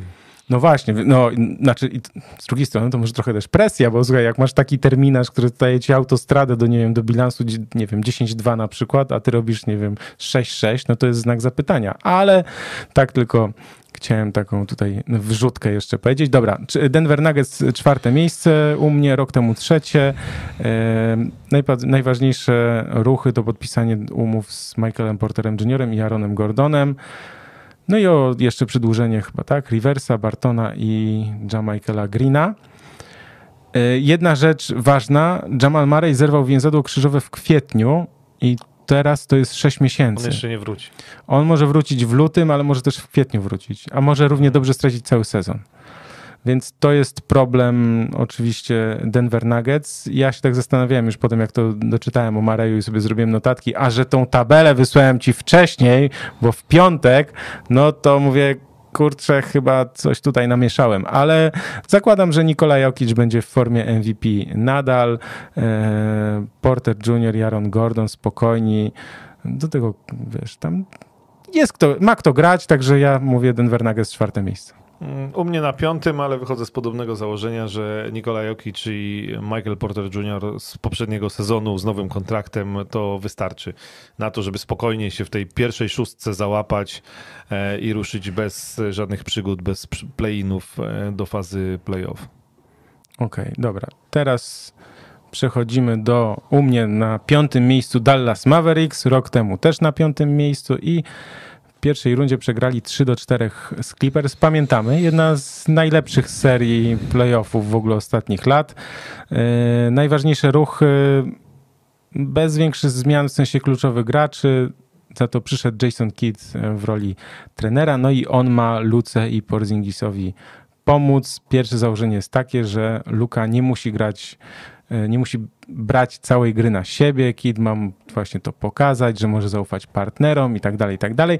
No i że Porzingis może być tym zawodnikiem, którego pamiętamy z Nowego Jorku, ten y, jednorożec taki, który tam w ogóle jest wspaniały i dominuje. No warunki ma y, świetne, natomiast no, w tych ostatnich latach miał zarówno problemy ze zdrowiem, jak i E, też jakoś nie potrafił się odnaleźć. Nie wiem, czy Rick jakoś nie, nie potrafił go wykorzystać, czy to było coś po stronie Porzingisa. No w każdym razie cel jest jeden. Luka Doncic i Kristaps Porzingis mają po prostu stanowić o sile tego zespołu.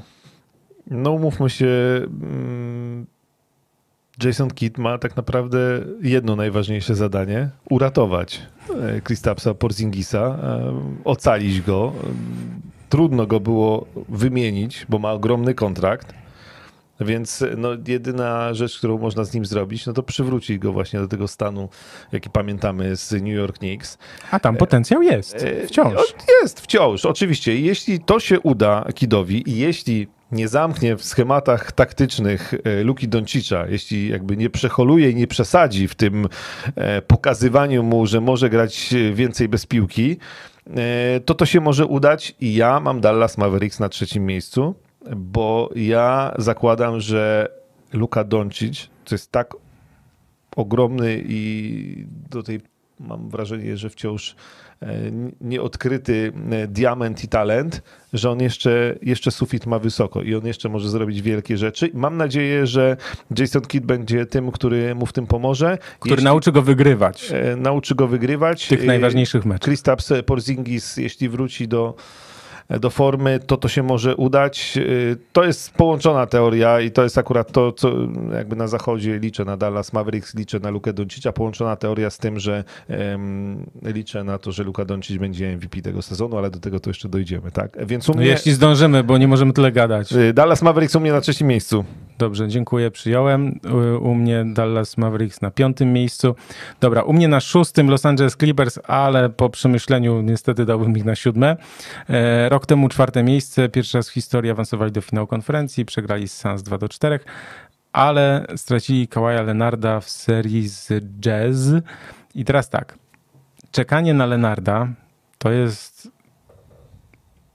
nie wiadomo do końca, to jest, znaczy, to jest bardzo trudne do oszacowania, kiedy on wróci, bo ważna jest kwestia taka, że on 15 czerwca doznał kontuzji, ale to nie było całkowite podobno zerwanie krzyżowego, tylko to, co ja mam i z tym żyję, czyli naderwane krzyżowe, więc yy, podobno ta rehabilitacja, powrót do zdrowia przebiega szybciej niż oni tam zakładali.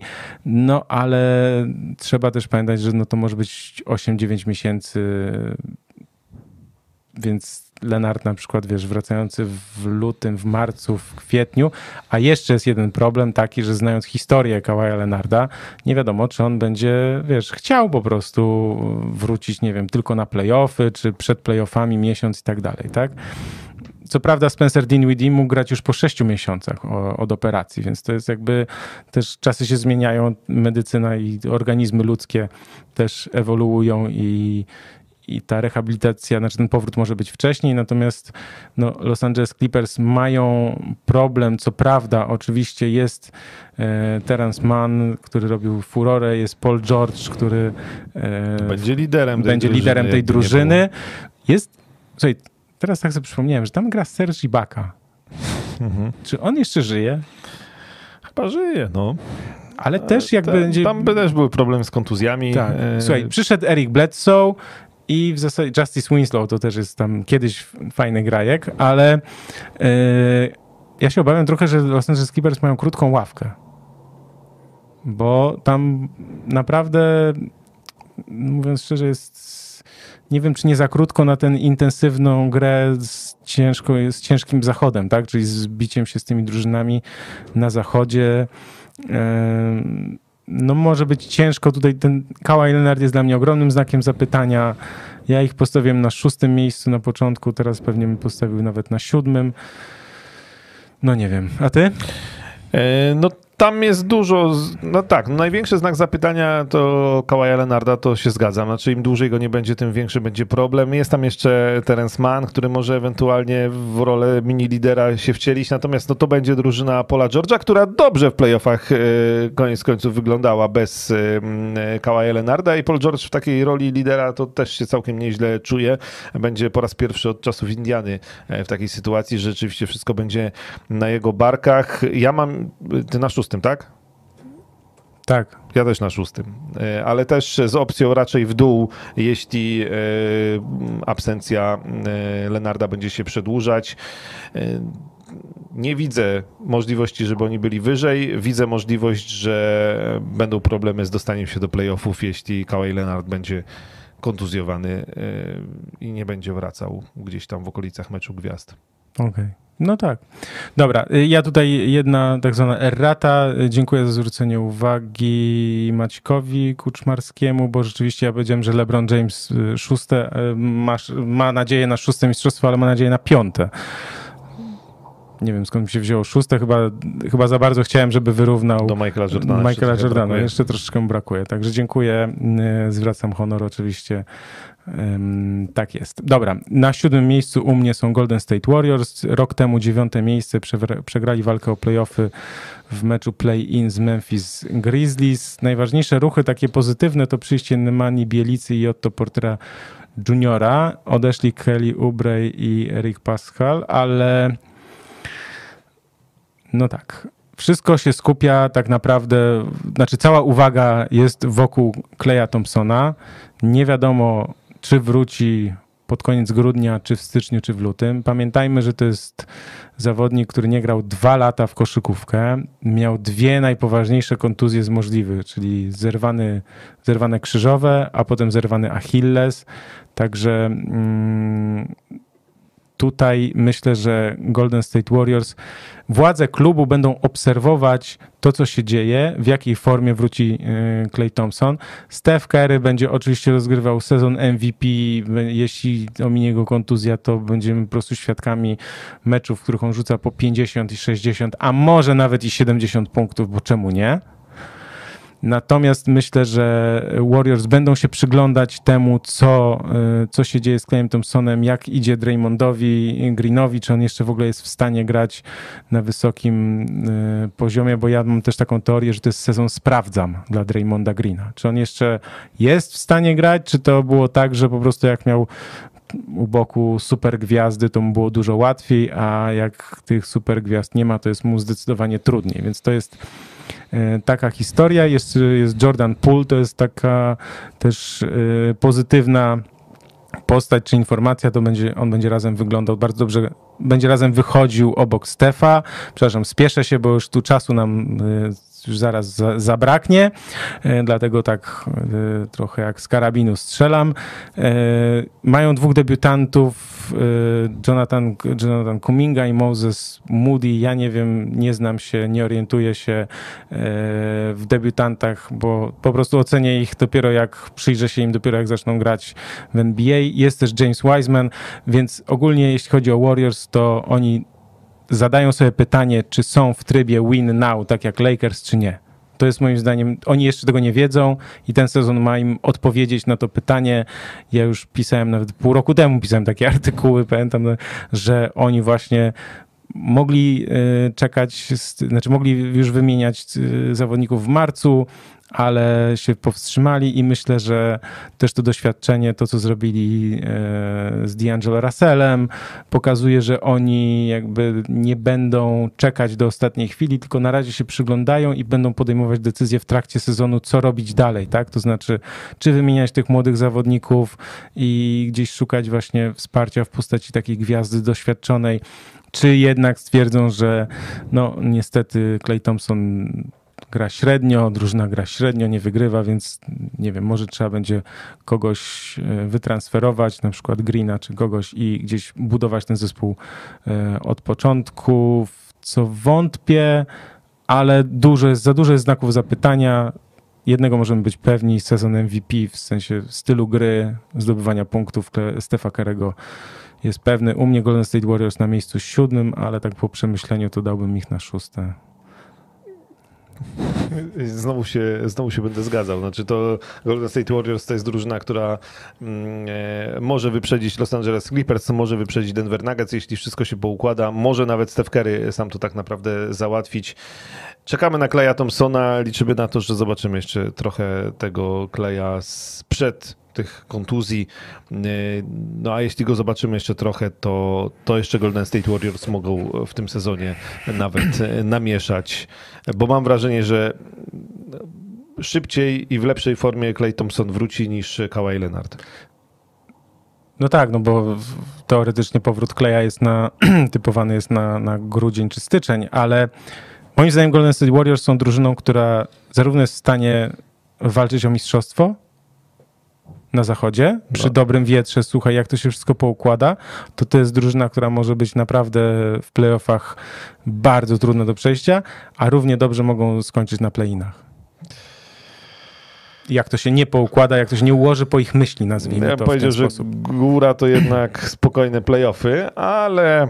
Nie no, ale w playoffach już wiesz, no doświadczenie Kleja po prostu, znaczy nie Kleja, tylko Stefa, no Naprawdę. Dobrze. Steph Curry może zdobyć tytuł MVP, jak dla mnie. Nie ma problemu. Dobra. U mnie miejsce ósme y, Memphis Grizzlies, tak jak rok temu.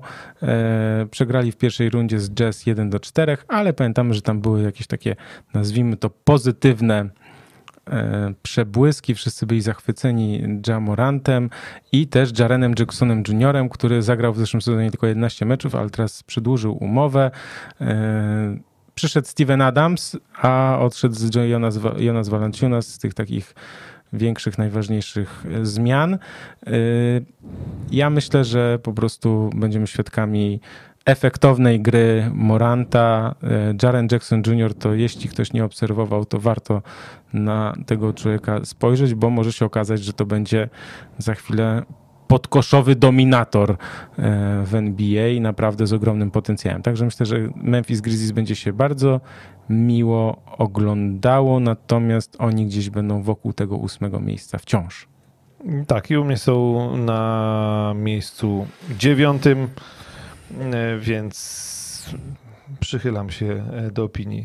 Ja chyba pędźmy dalej, bo, bo tak naprawdę nic mądrzejszego nie powiem poza tym, że e, Jamorant i Jaren Jackson Jr to jest ta dwójka, która może do playoffów Memphis wprowadzić. Na pewno warto ich oglądać, bo ich koszykówkę się fajnie ogląda, bo Jamoranta się fajnie ogląda, do tego on tam wygaduje rzeczy w stylu, że jest już tam, już nie pamiętam, w piątce chyba, tak, najlepszych rozgrywających, czy jakoś tam ligi, więc yy, niech się chłopaki bawią. Memphis zakręci się w okolicach yy, play-in zapewne u mnie na dziewiątym miejscu.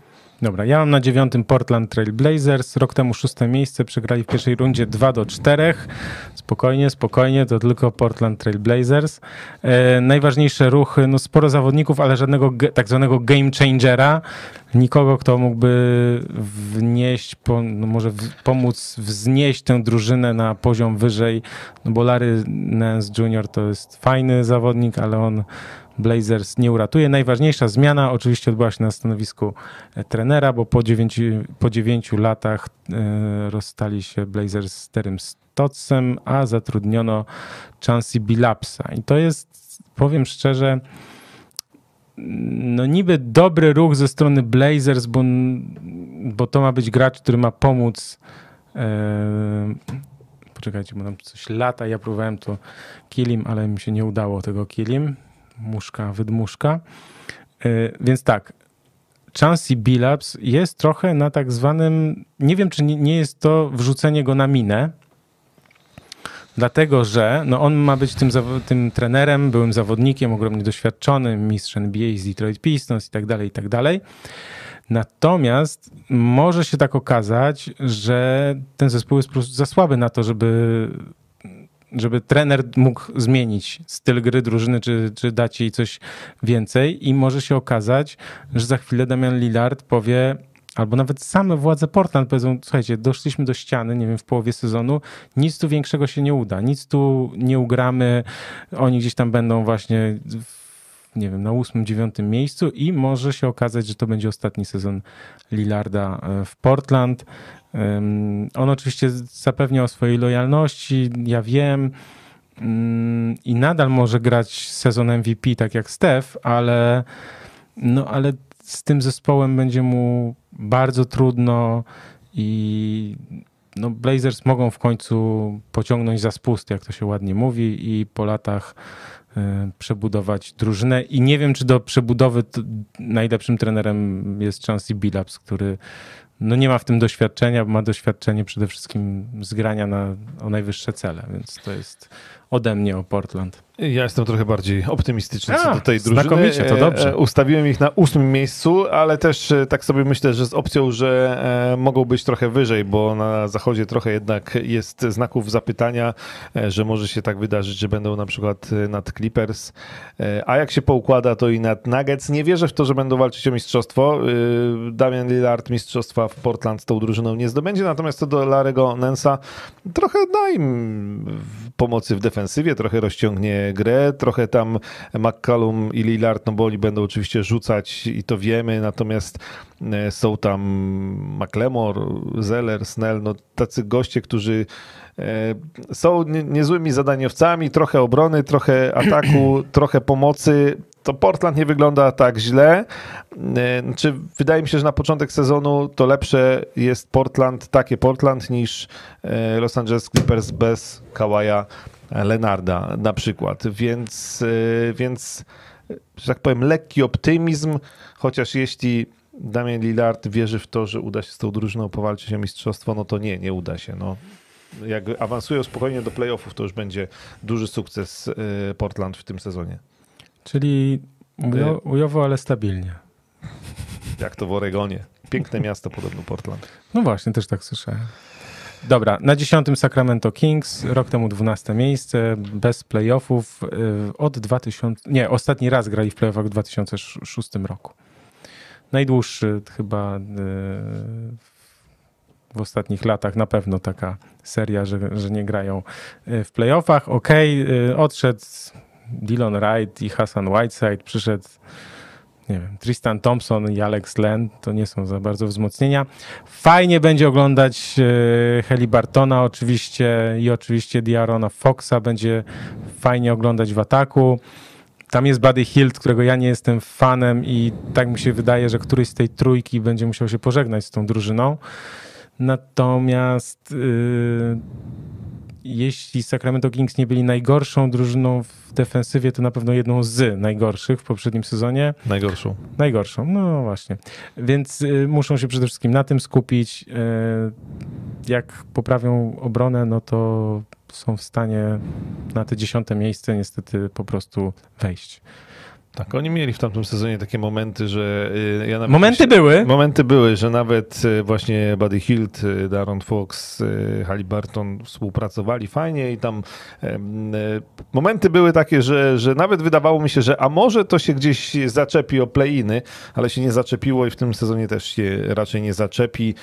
Dziesiąte miejsce również u mnie Sacramento Kings. Dobra, 11 miejsce Minnesota Timberwolves, rok temu 13 miejsce, odszedł Rubio, przyszedł Patrick Beverly. No jeśli ktoś wierzy, że Patrick Beverly, dużo gadający i robiący dużo wiatru, e, zawodnik odmieni tę drużynę, to niestety jest w błędzie, e, bo to wciąż jest za mało, żeby ta drużyna awansowała do playoffów, aczkolwiek ten skład wcale nie jest taki zły, bo na papierze Carl Anthony Towns, Malik Beasley, Anthony Edwards i D'Angelo Russell to nie wygląda źle. Tyle, że oni też muszą zacząć bronić i muszą zacząć wygrywać, a nie grać pod siebie i robić statystyki po prostu. Także myślę, że to będzie drużyna, która e, może będzie miła do oglądania i będzie miała radosną koszykówkę grała, natomiast no, muszą wykonać ogromną pracę, żeby wejść na poziom wyżej i grać w basket, prawdziwy basket, gdzie gra się o wygrywanie, przede wszystkim o zwycięstwa, więc... W Minnesocie e, stabilnie, czyli beznadziejnie. Minus 20. Wyleciał generalny menedżer. A no właśnie, tak. E, że tak powiem, wątek raczej pozakoszykarski. I no, czy tam nie ma stabilizacji, tam nie ma pomysłu, tam od lat jest to samo. Znaczy, Carl Anthony Towns to jest człowiek, który się marnuje e, w tym bardzo mroźnym Minneapolis e, i tyle. I ja mam ich na 12 miejscu. Czyli typowa Minnesota. No tak. E, ja na 12 mam San Antonio Spurs, rok temu na 10. Odeszli DeRozan, Gay, Mills, y, Trey Lyles, Gorgul Dieng, przychodzą Zach Collins, którego ja, znaczy fanem to też duże słowo, ale po prostu pamiętam go jeszcze z, chyba z Gonzagi, tak? I z tego, że po prostu uważam, że ma papiery na granie, aczkolwiek też kontuzje mu troszkę przeszkodziły. Y, Doug McDermott y, oraz Bryn Forbes, jeszcze Alfa Rugamino i Tadeusz Young przychodzą, ale no nie ma wielkich gwiazd. Jest Dejanty Marek, którego ja jestem fanem. Duży talent, który warto obserwować. Myślę, że Spurs będą inwestować w Keldona Johnsona, natomiast Spurs przygotowują się chyba do ery po Popowiczu. Po prostu. Greg Popowicz za chwilę zostanie trenerem z największą liczbą zwycięstw, chociaż chyba brakuje mu 26, więc tak zacząłem się zastanawiać, czy to jego San Antonio w tym roku przypadkiem nie zaliczy jakiegoś tam zjazdu, ale chyba tak źle nie będzie, bo on zawsze pamiętamy, że to, z czego słynie Popowicz, to jest po prostu wyciąganie maksa z zawodników, których ma, ale no ciężko. Ja się trochę e, dziwię temu, co się dzieje w San Antonio, bo z jednej strony to rzeczywiście, znaczy to przygotowywanie się do ery po Popowiczu, to oczywiście, e, no to musi, no ostatnie głosy są takie, że w ciągu dwóch lat e, najbliższych Popowicz ma ustąpić, no ale przez te dwa lata trzeba grać. No i to jest tak nie może, do końca... Może trzeba zrobić miejsce w salary cup i... Wiesz, no bo, bo czy to jest przebudowa drużyny, czy to jest próbowanie Właśnie. ogrywania tych zawodników, żeby za dwa lata z nowym trenerem zostawić kilku i wtedy przebudowywać, tak trochę nie do końca, znaczy trochę mam wrażenie, że legenda Popowicza już zaczyna bardziej szkodzić San Antonio niż, e, niż pomagać, bo, bo nie wiem w którym kierunku ten statek płynie i e, i Popowicz jest znakomitym trenerem, ale też wiemy, że był pomysł, żeby może Bena Simonsa ściągnąć. Popowicz ostatecznie stwierdził, że jednak mm, nie chce próbować. E, oddali DeRozana. Właściwie no, budujemy nowy skład, ogrywamy nowy skład, ale ze starym trenerem, który mm, pracuje tam od 97 roku, jak dobrze pamiętam, e, i który no, zaraz odejdzie, chociaż tak jeszcze tak naprawdę nie, nikt nie powiedział, kiedy dokładnie odejdzie. Mhm. No i to się może wydarzyć za rok, za dwa, raczej za dwa, no ale te dwa sezony trzeba zagrać, no i to będą takie sezony, mam wrażenie, właśnie na który ty masz, u mnie jest 13 San Antonio. U mnie 12. No to właśnie na takie miejsce. Dobra, lecimy dalej. U mnie na 13 New Orleans Pelicans, rok temu na 11 bez playoffów. Najważniejsza informacja jest taka, że Zion nie będzie grał na początku sezonu. I już o tym mówiliśmy wcze wcześniej, chyba dwa tygodnie temu. W ogóle pojawia się ta informacja o tym, że on miał operację stopy. Ta informacja była ukrywana. Była ukrywana. Poprzednim razem, kiedy miał wrócić po 6-8 tygodniach, to zajęło mu to 13 tygodni. Teraz znów jest taka sytuacja i mówiąc szczerze, y, w Nowym Orleanie no nie, nie wróżę, znaczy nie wróżę, inaczej Forma Zajona Williamsona, to czy on będzie grał, jest tutaj kluczowe. Tak? Niestety na razie wszystkie znaki na niebie i ziemi pokazują nam, że Zion Williams znowu ma problemy ze zdrowiem. I dopóki nie będziemy mieli jasności, że on tych problemów nie ma, dopóty ta drużyna będzie niestety w dole tabeli na zachodzie, ponieważ Brandon Ingram sam tego wszystkiego nie pociągnie tam oni nawet stary nie wiedzą, kto ma być rozgrywającym. No. Znaczy mnie w ogóle, jeśli jest pomysł taki, że wokół Zajona budujemy drużynę, czy wokół Zajona i Ingrama, e, no to mnie w ogóle nie przekonują transfery e, Nowego Orleanu. Znaczy... E, Tylko ci powiem, że Devonte Graham, który miał być tam chyba, tak, tu na jedynce i tak dalej, to zaliczył w preseason najgorszy plus minus, minus 71. No do tego jest Tomasz Satorański, Jonas Valenciunas, Garrett Temple. To są transfery do Nowego Orleanu. No, tym się nie zrobi playoffów. Przykro mi bardzo, a na pewno nie jeśli Zion nie będzie grał. Z Zionem jest wielki znak zapytania. E, nie chciałbym, żeby on sobie w Nowym Orlanie zmarnował karierę. Z drugiej strony jeśli Nowy Orlean coś ma wokół niego budować, no to Zion musi być zdrowy. A Zion ukazał się nam e, w reklamie między innymi NBA tej na 75-lecie, gdzie urwał e, obręcz. E, ale jest, takie, ale jest to pokazane tak, że on tam nawet prawie nie wyskoczył, więc... Tak, no, ale generalnie objawił nam się jako jeszcze większy Zion, e, czyli, czyli trochę A, no właśnie, bo... przytyło. Szczególnie jest, też są inne reklamy, gdzie on wygląda, mm, no wygląda nie najlepiej. E, jak, i, I to wygląda tak, jakbym ja zjadł ciebie.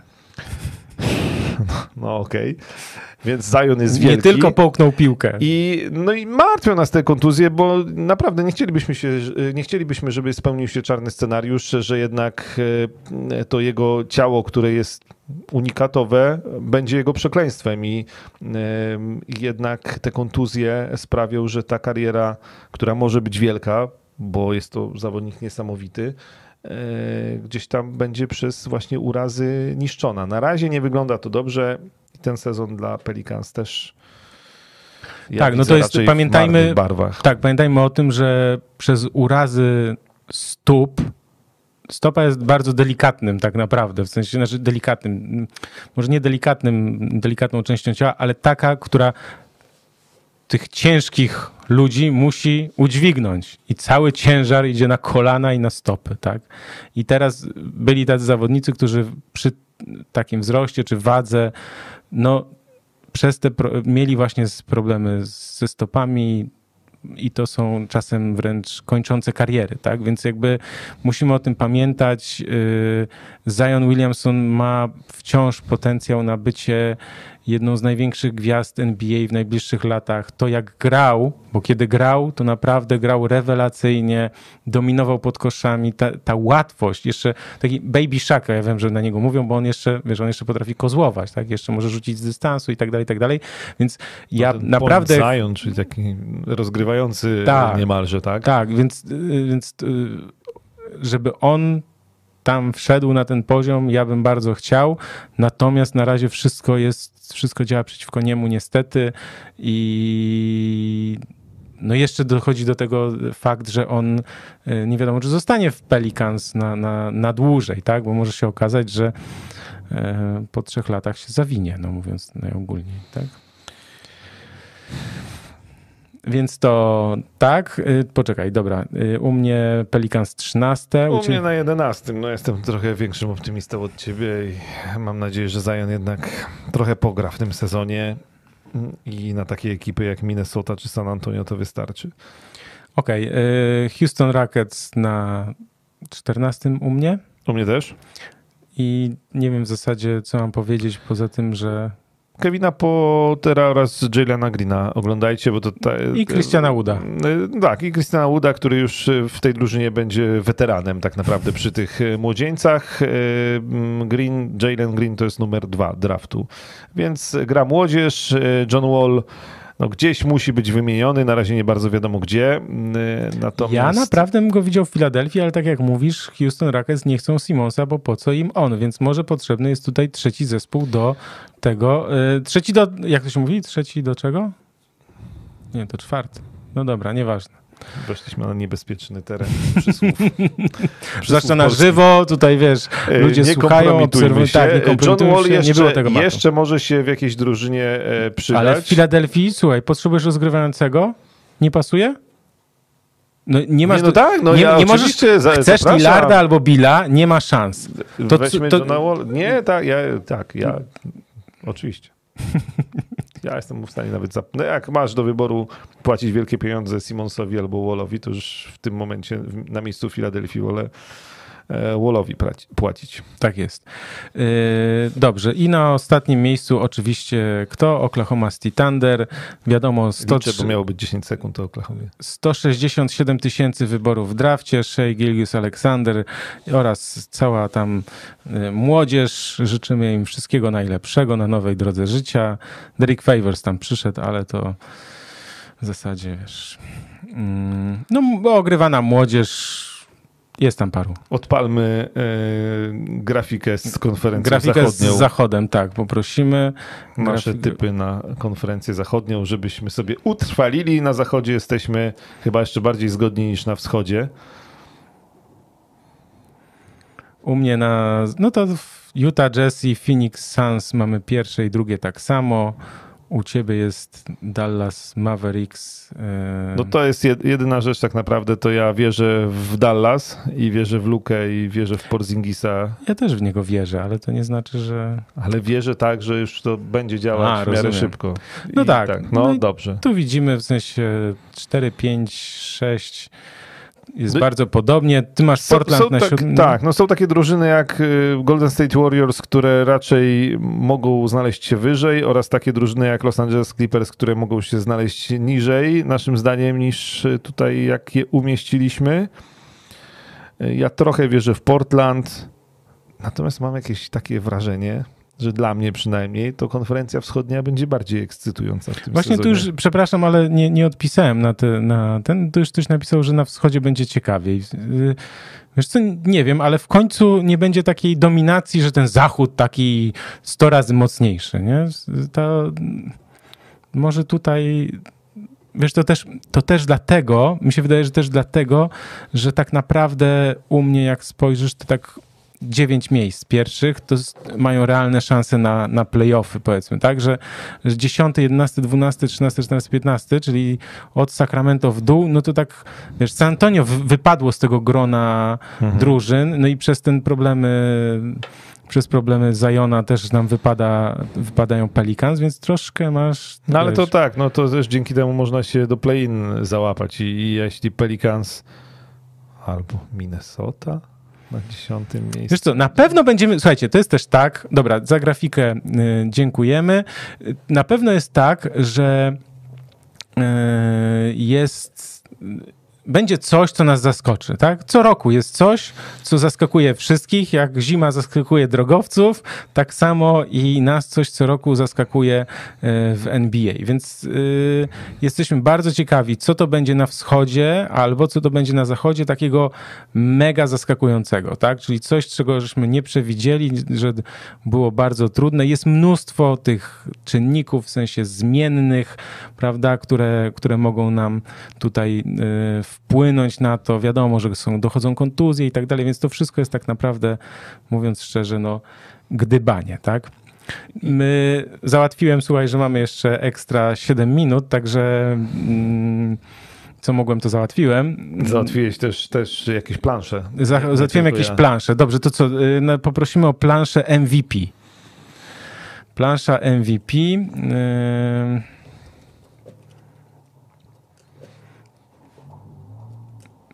Już tutaj nam się zaraz y, wszystko y, pojawi. Plansza MVP, bo też pamiętajcie, że my mamy też niestety tak zwane opóźnienie, bo my mówimy o czymś, a widzimy coś, o czym rozmawialiśmy jakąś dobrą pół minuty albo minutę wcześniej. Luka Doncic na pierwszym miejscu, Kevin Durant. Ale ty już widzisz? Na drugim, ja odpalam u siebie, wiesz, bo Dobra, jestem no. lepszy cwaniak. E, Joel Embiid na trzecim, Janis Antetokounmpo na czwartym, Steph To są Curry typy bookmacherów. na piątym, tak jest. To są typy e-winner zakładów bukmacherskich. e, Więc ja typując tak bardziej, nazwijmy to nieoczywisty typ, to jest James Harden, przelicznik jest aż 18. To jest w ogóle zawodnik, który jest na raz, dwa, trzy, cztery, na dziewiątym miejscu. Ale to trochę z racji tego, że przewrotnie, żeby trochę powiedzieć, a nie typować, wiesz, tam Duranta albo Doncicia. Tak, James Harden jest dobrym typem e, na MVP. Na takie zaskoczenie, tak? W sensie taki nie, taką Tak. nieoczywistość, tak? Bo myślę, że Trey Young to nie, a chociaż 18 też jest niezły kurs. Natomiast ja najmniej pieniędzy z tego bym zarobił, bo. Bo stawiasz no na bo ja, ja, sta, ja stawiam, że to będzie ten sezon, w którym będzie Luka Doncic. Ja mogę ci powiedzieć, kto na pewno nie będzie MVP. To No. nie będzie kolejny sezon z centrem e, w roli MVP. E, Nie będzie e, Nikoli Jokicza, nie, nie będzie też Embiid MVP. Ja myślę, że albo, że może być Steph, może być Janis, Może być Kevin. Kevin Durant też może być, Może oczywiście. być. Kevin E, Durant, Janis, Steph, Tak, z tych Harden. tutaj czołówki na Embida bym nie stawiał, bo to. Mm-mm. Lillarda też niekoniecznie, Jokicza nie. Lebrona doszliśmy do wniosku, że chyba też jednak nie. Nie, LeBron na pewno nie. No ale tak, to. Dobra, Doncic, żeby zamknąć tę dyskusję, moim Okej, zdaniem. zmieńmy grafikę, poprosimy mistrz NBA teraz taką e, grafikę. E, faworytami są, I teraz ja już, ja już mogę powiedzieć? no, Ja, ja ci powiem, jaki będzie finał. Finał Mm. będzie niezaskakujący. Los Angeles Lakers za Brooklyn Nets. I znowu to są pierwszy, pierwszy i drugi, to taki najłatwiejszy. No, najłatwiejsze, ale na ten moment ja nie widzę innych opcji. no tak, ja będę konsekwentny w swoim działaniu i powiem Milwaukee Bucks, Los Angeles Lakers. Przypomnę, że też w zeszłym, w zeszłym roku żeśmy Lakers typowali.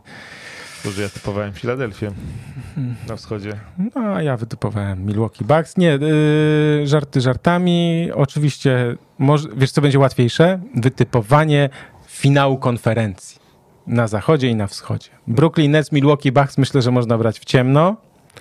Natomiast na zachodzie, poza Lakers, to kogo byś widział w finale konferencji? No? Co, wydaje mi się, że może to być jednak Phoenix Suns. Mm, A może bardziej- Utah Jazz? Słuchaj, ta Nie, ławka po- jest naprawdę tak długa i oni są dzisiaj, lepsi. Phoenix będą lepsi w playoffach, to się, to się tego trzymam. To już jeśli kogoś, to, to Phoenix Suns dwa złote więcej.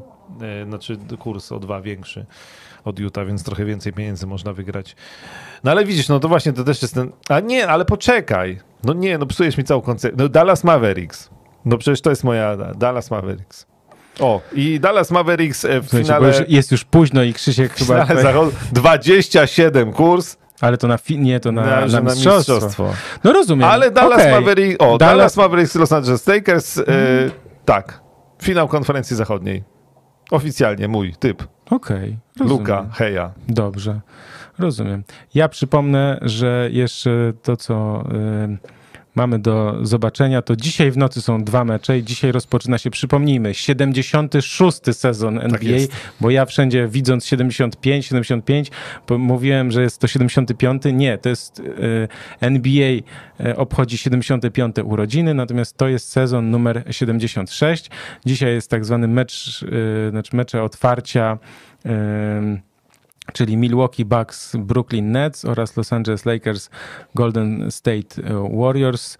To są też typy mm, e, zakładów bukmacherskich e-winner. Co ciekawe, Brooklyn Nets, mimo że goście, to są wyżej czyli niższy kurs jest, czyli są faworytami tego meczu. To jest bardzo ciekawe. I wiesz, co będzie dobre?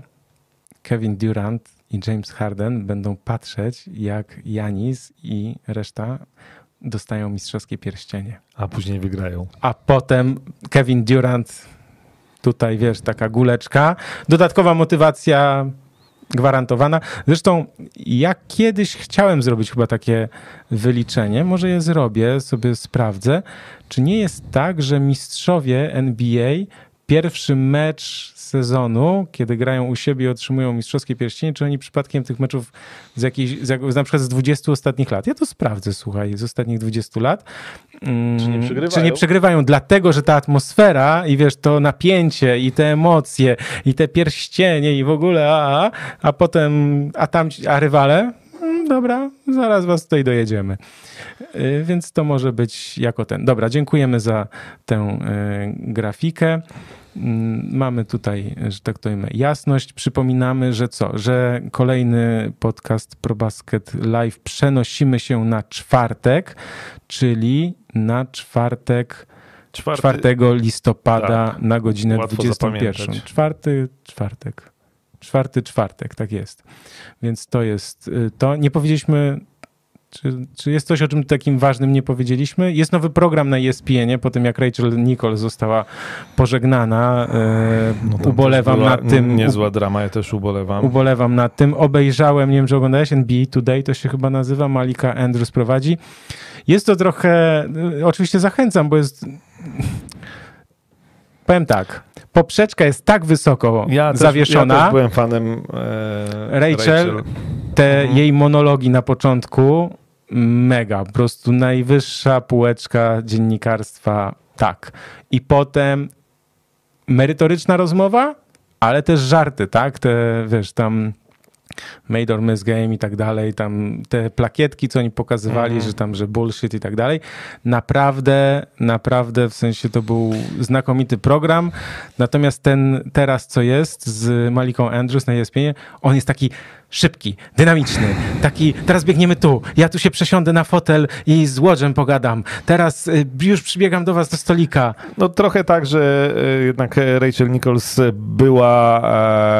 E, znaczy ten format był dopracowany i był pod nią i ona była e, gwiazdą i prowadzącą i jakby od niej wszystkiego najwięcej zależało i widać było, że to był jej program i to ona była tym Charyzma programem. ogromna. Dokładnie. Natomiast y, teraz jest jednak bardziej stworzony właśnie najpierw program, że tak jak robi się dzisiejszą telewizję, szybko, y,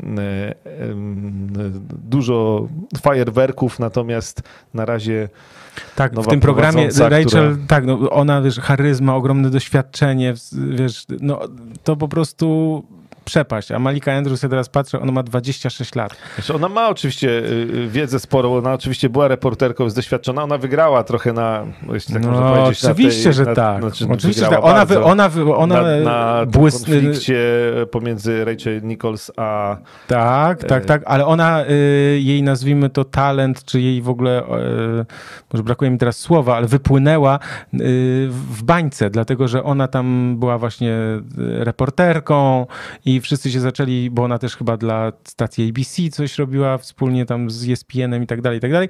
W każdym razie stała się znana mm, szerszej publiczności, nie, a nie tylko właśnie tym takim insaj, insiderskim y, programom na ESPN. No i dano jej szansę. Y, poprzeczka jest bardzo wysoko postawiona, na razie tam jest dużo hahaha ha, ha też, ale no może się wyrobi, może też no nie wiem, ja będę chyba żałował, bo to program Rachel nie, nie, był... Nie była warta ta afera e, tego. E, znaczy w ogóle, dobra, już nie wiem, czy jest sens do tego wracać. Bo nie, nie ma, nie będziemy do tym, o tym... ESPN, które tak. rok się właściwie ciągnęło i próbowali ukryć, a jak się wydało, to no to postanowili ukarać Rachel Nichols. Bez sensu. Nie, w ogóle. Bez sensu, totalnie bez sensu. Ale ten, dobra, najważniejsze kwestie, bo już tutaj realizator, wiesz, zaraz nas wyłączy i nie będziemy nagle nawet mogli się pożegnać, także najważniejsza kwestia, oczywiście yy, łapki w górę. Jeśli macie znajomych fanów NBA, to też oczywiście powiedzcie im o naszym podcaście i o tym, że można nas oglądać na YouTubie i też słuchać na Spotify oraz innych yy, urządzeniach mobilnych i nie tylko mobilnych. Mm, łapkę w górę poprosimy, subskrypcję oczywiście też. Na ProBaskecie codziennie mnóstwo newsów. O 7 rano zawsze będą wyniki, w weekendy o 8 rano, także też zachęcam, zapraszam na y, ProBasket. Kończymy? Kończymy. Dobra, dziękuję Ci bardzo. Krzysztof Sendecki. Michał Pacuda. Dziękujemy, do zobaczenia, do usłyszenia.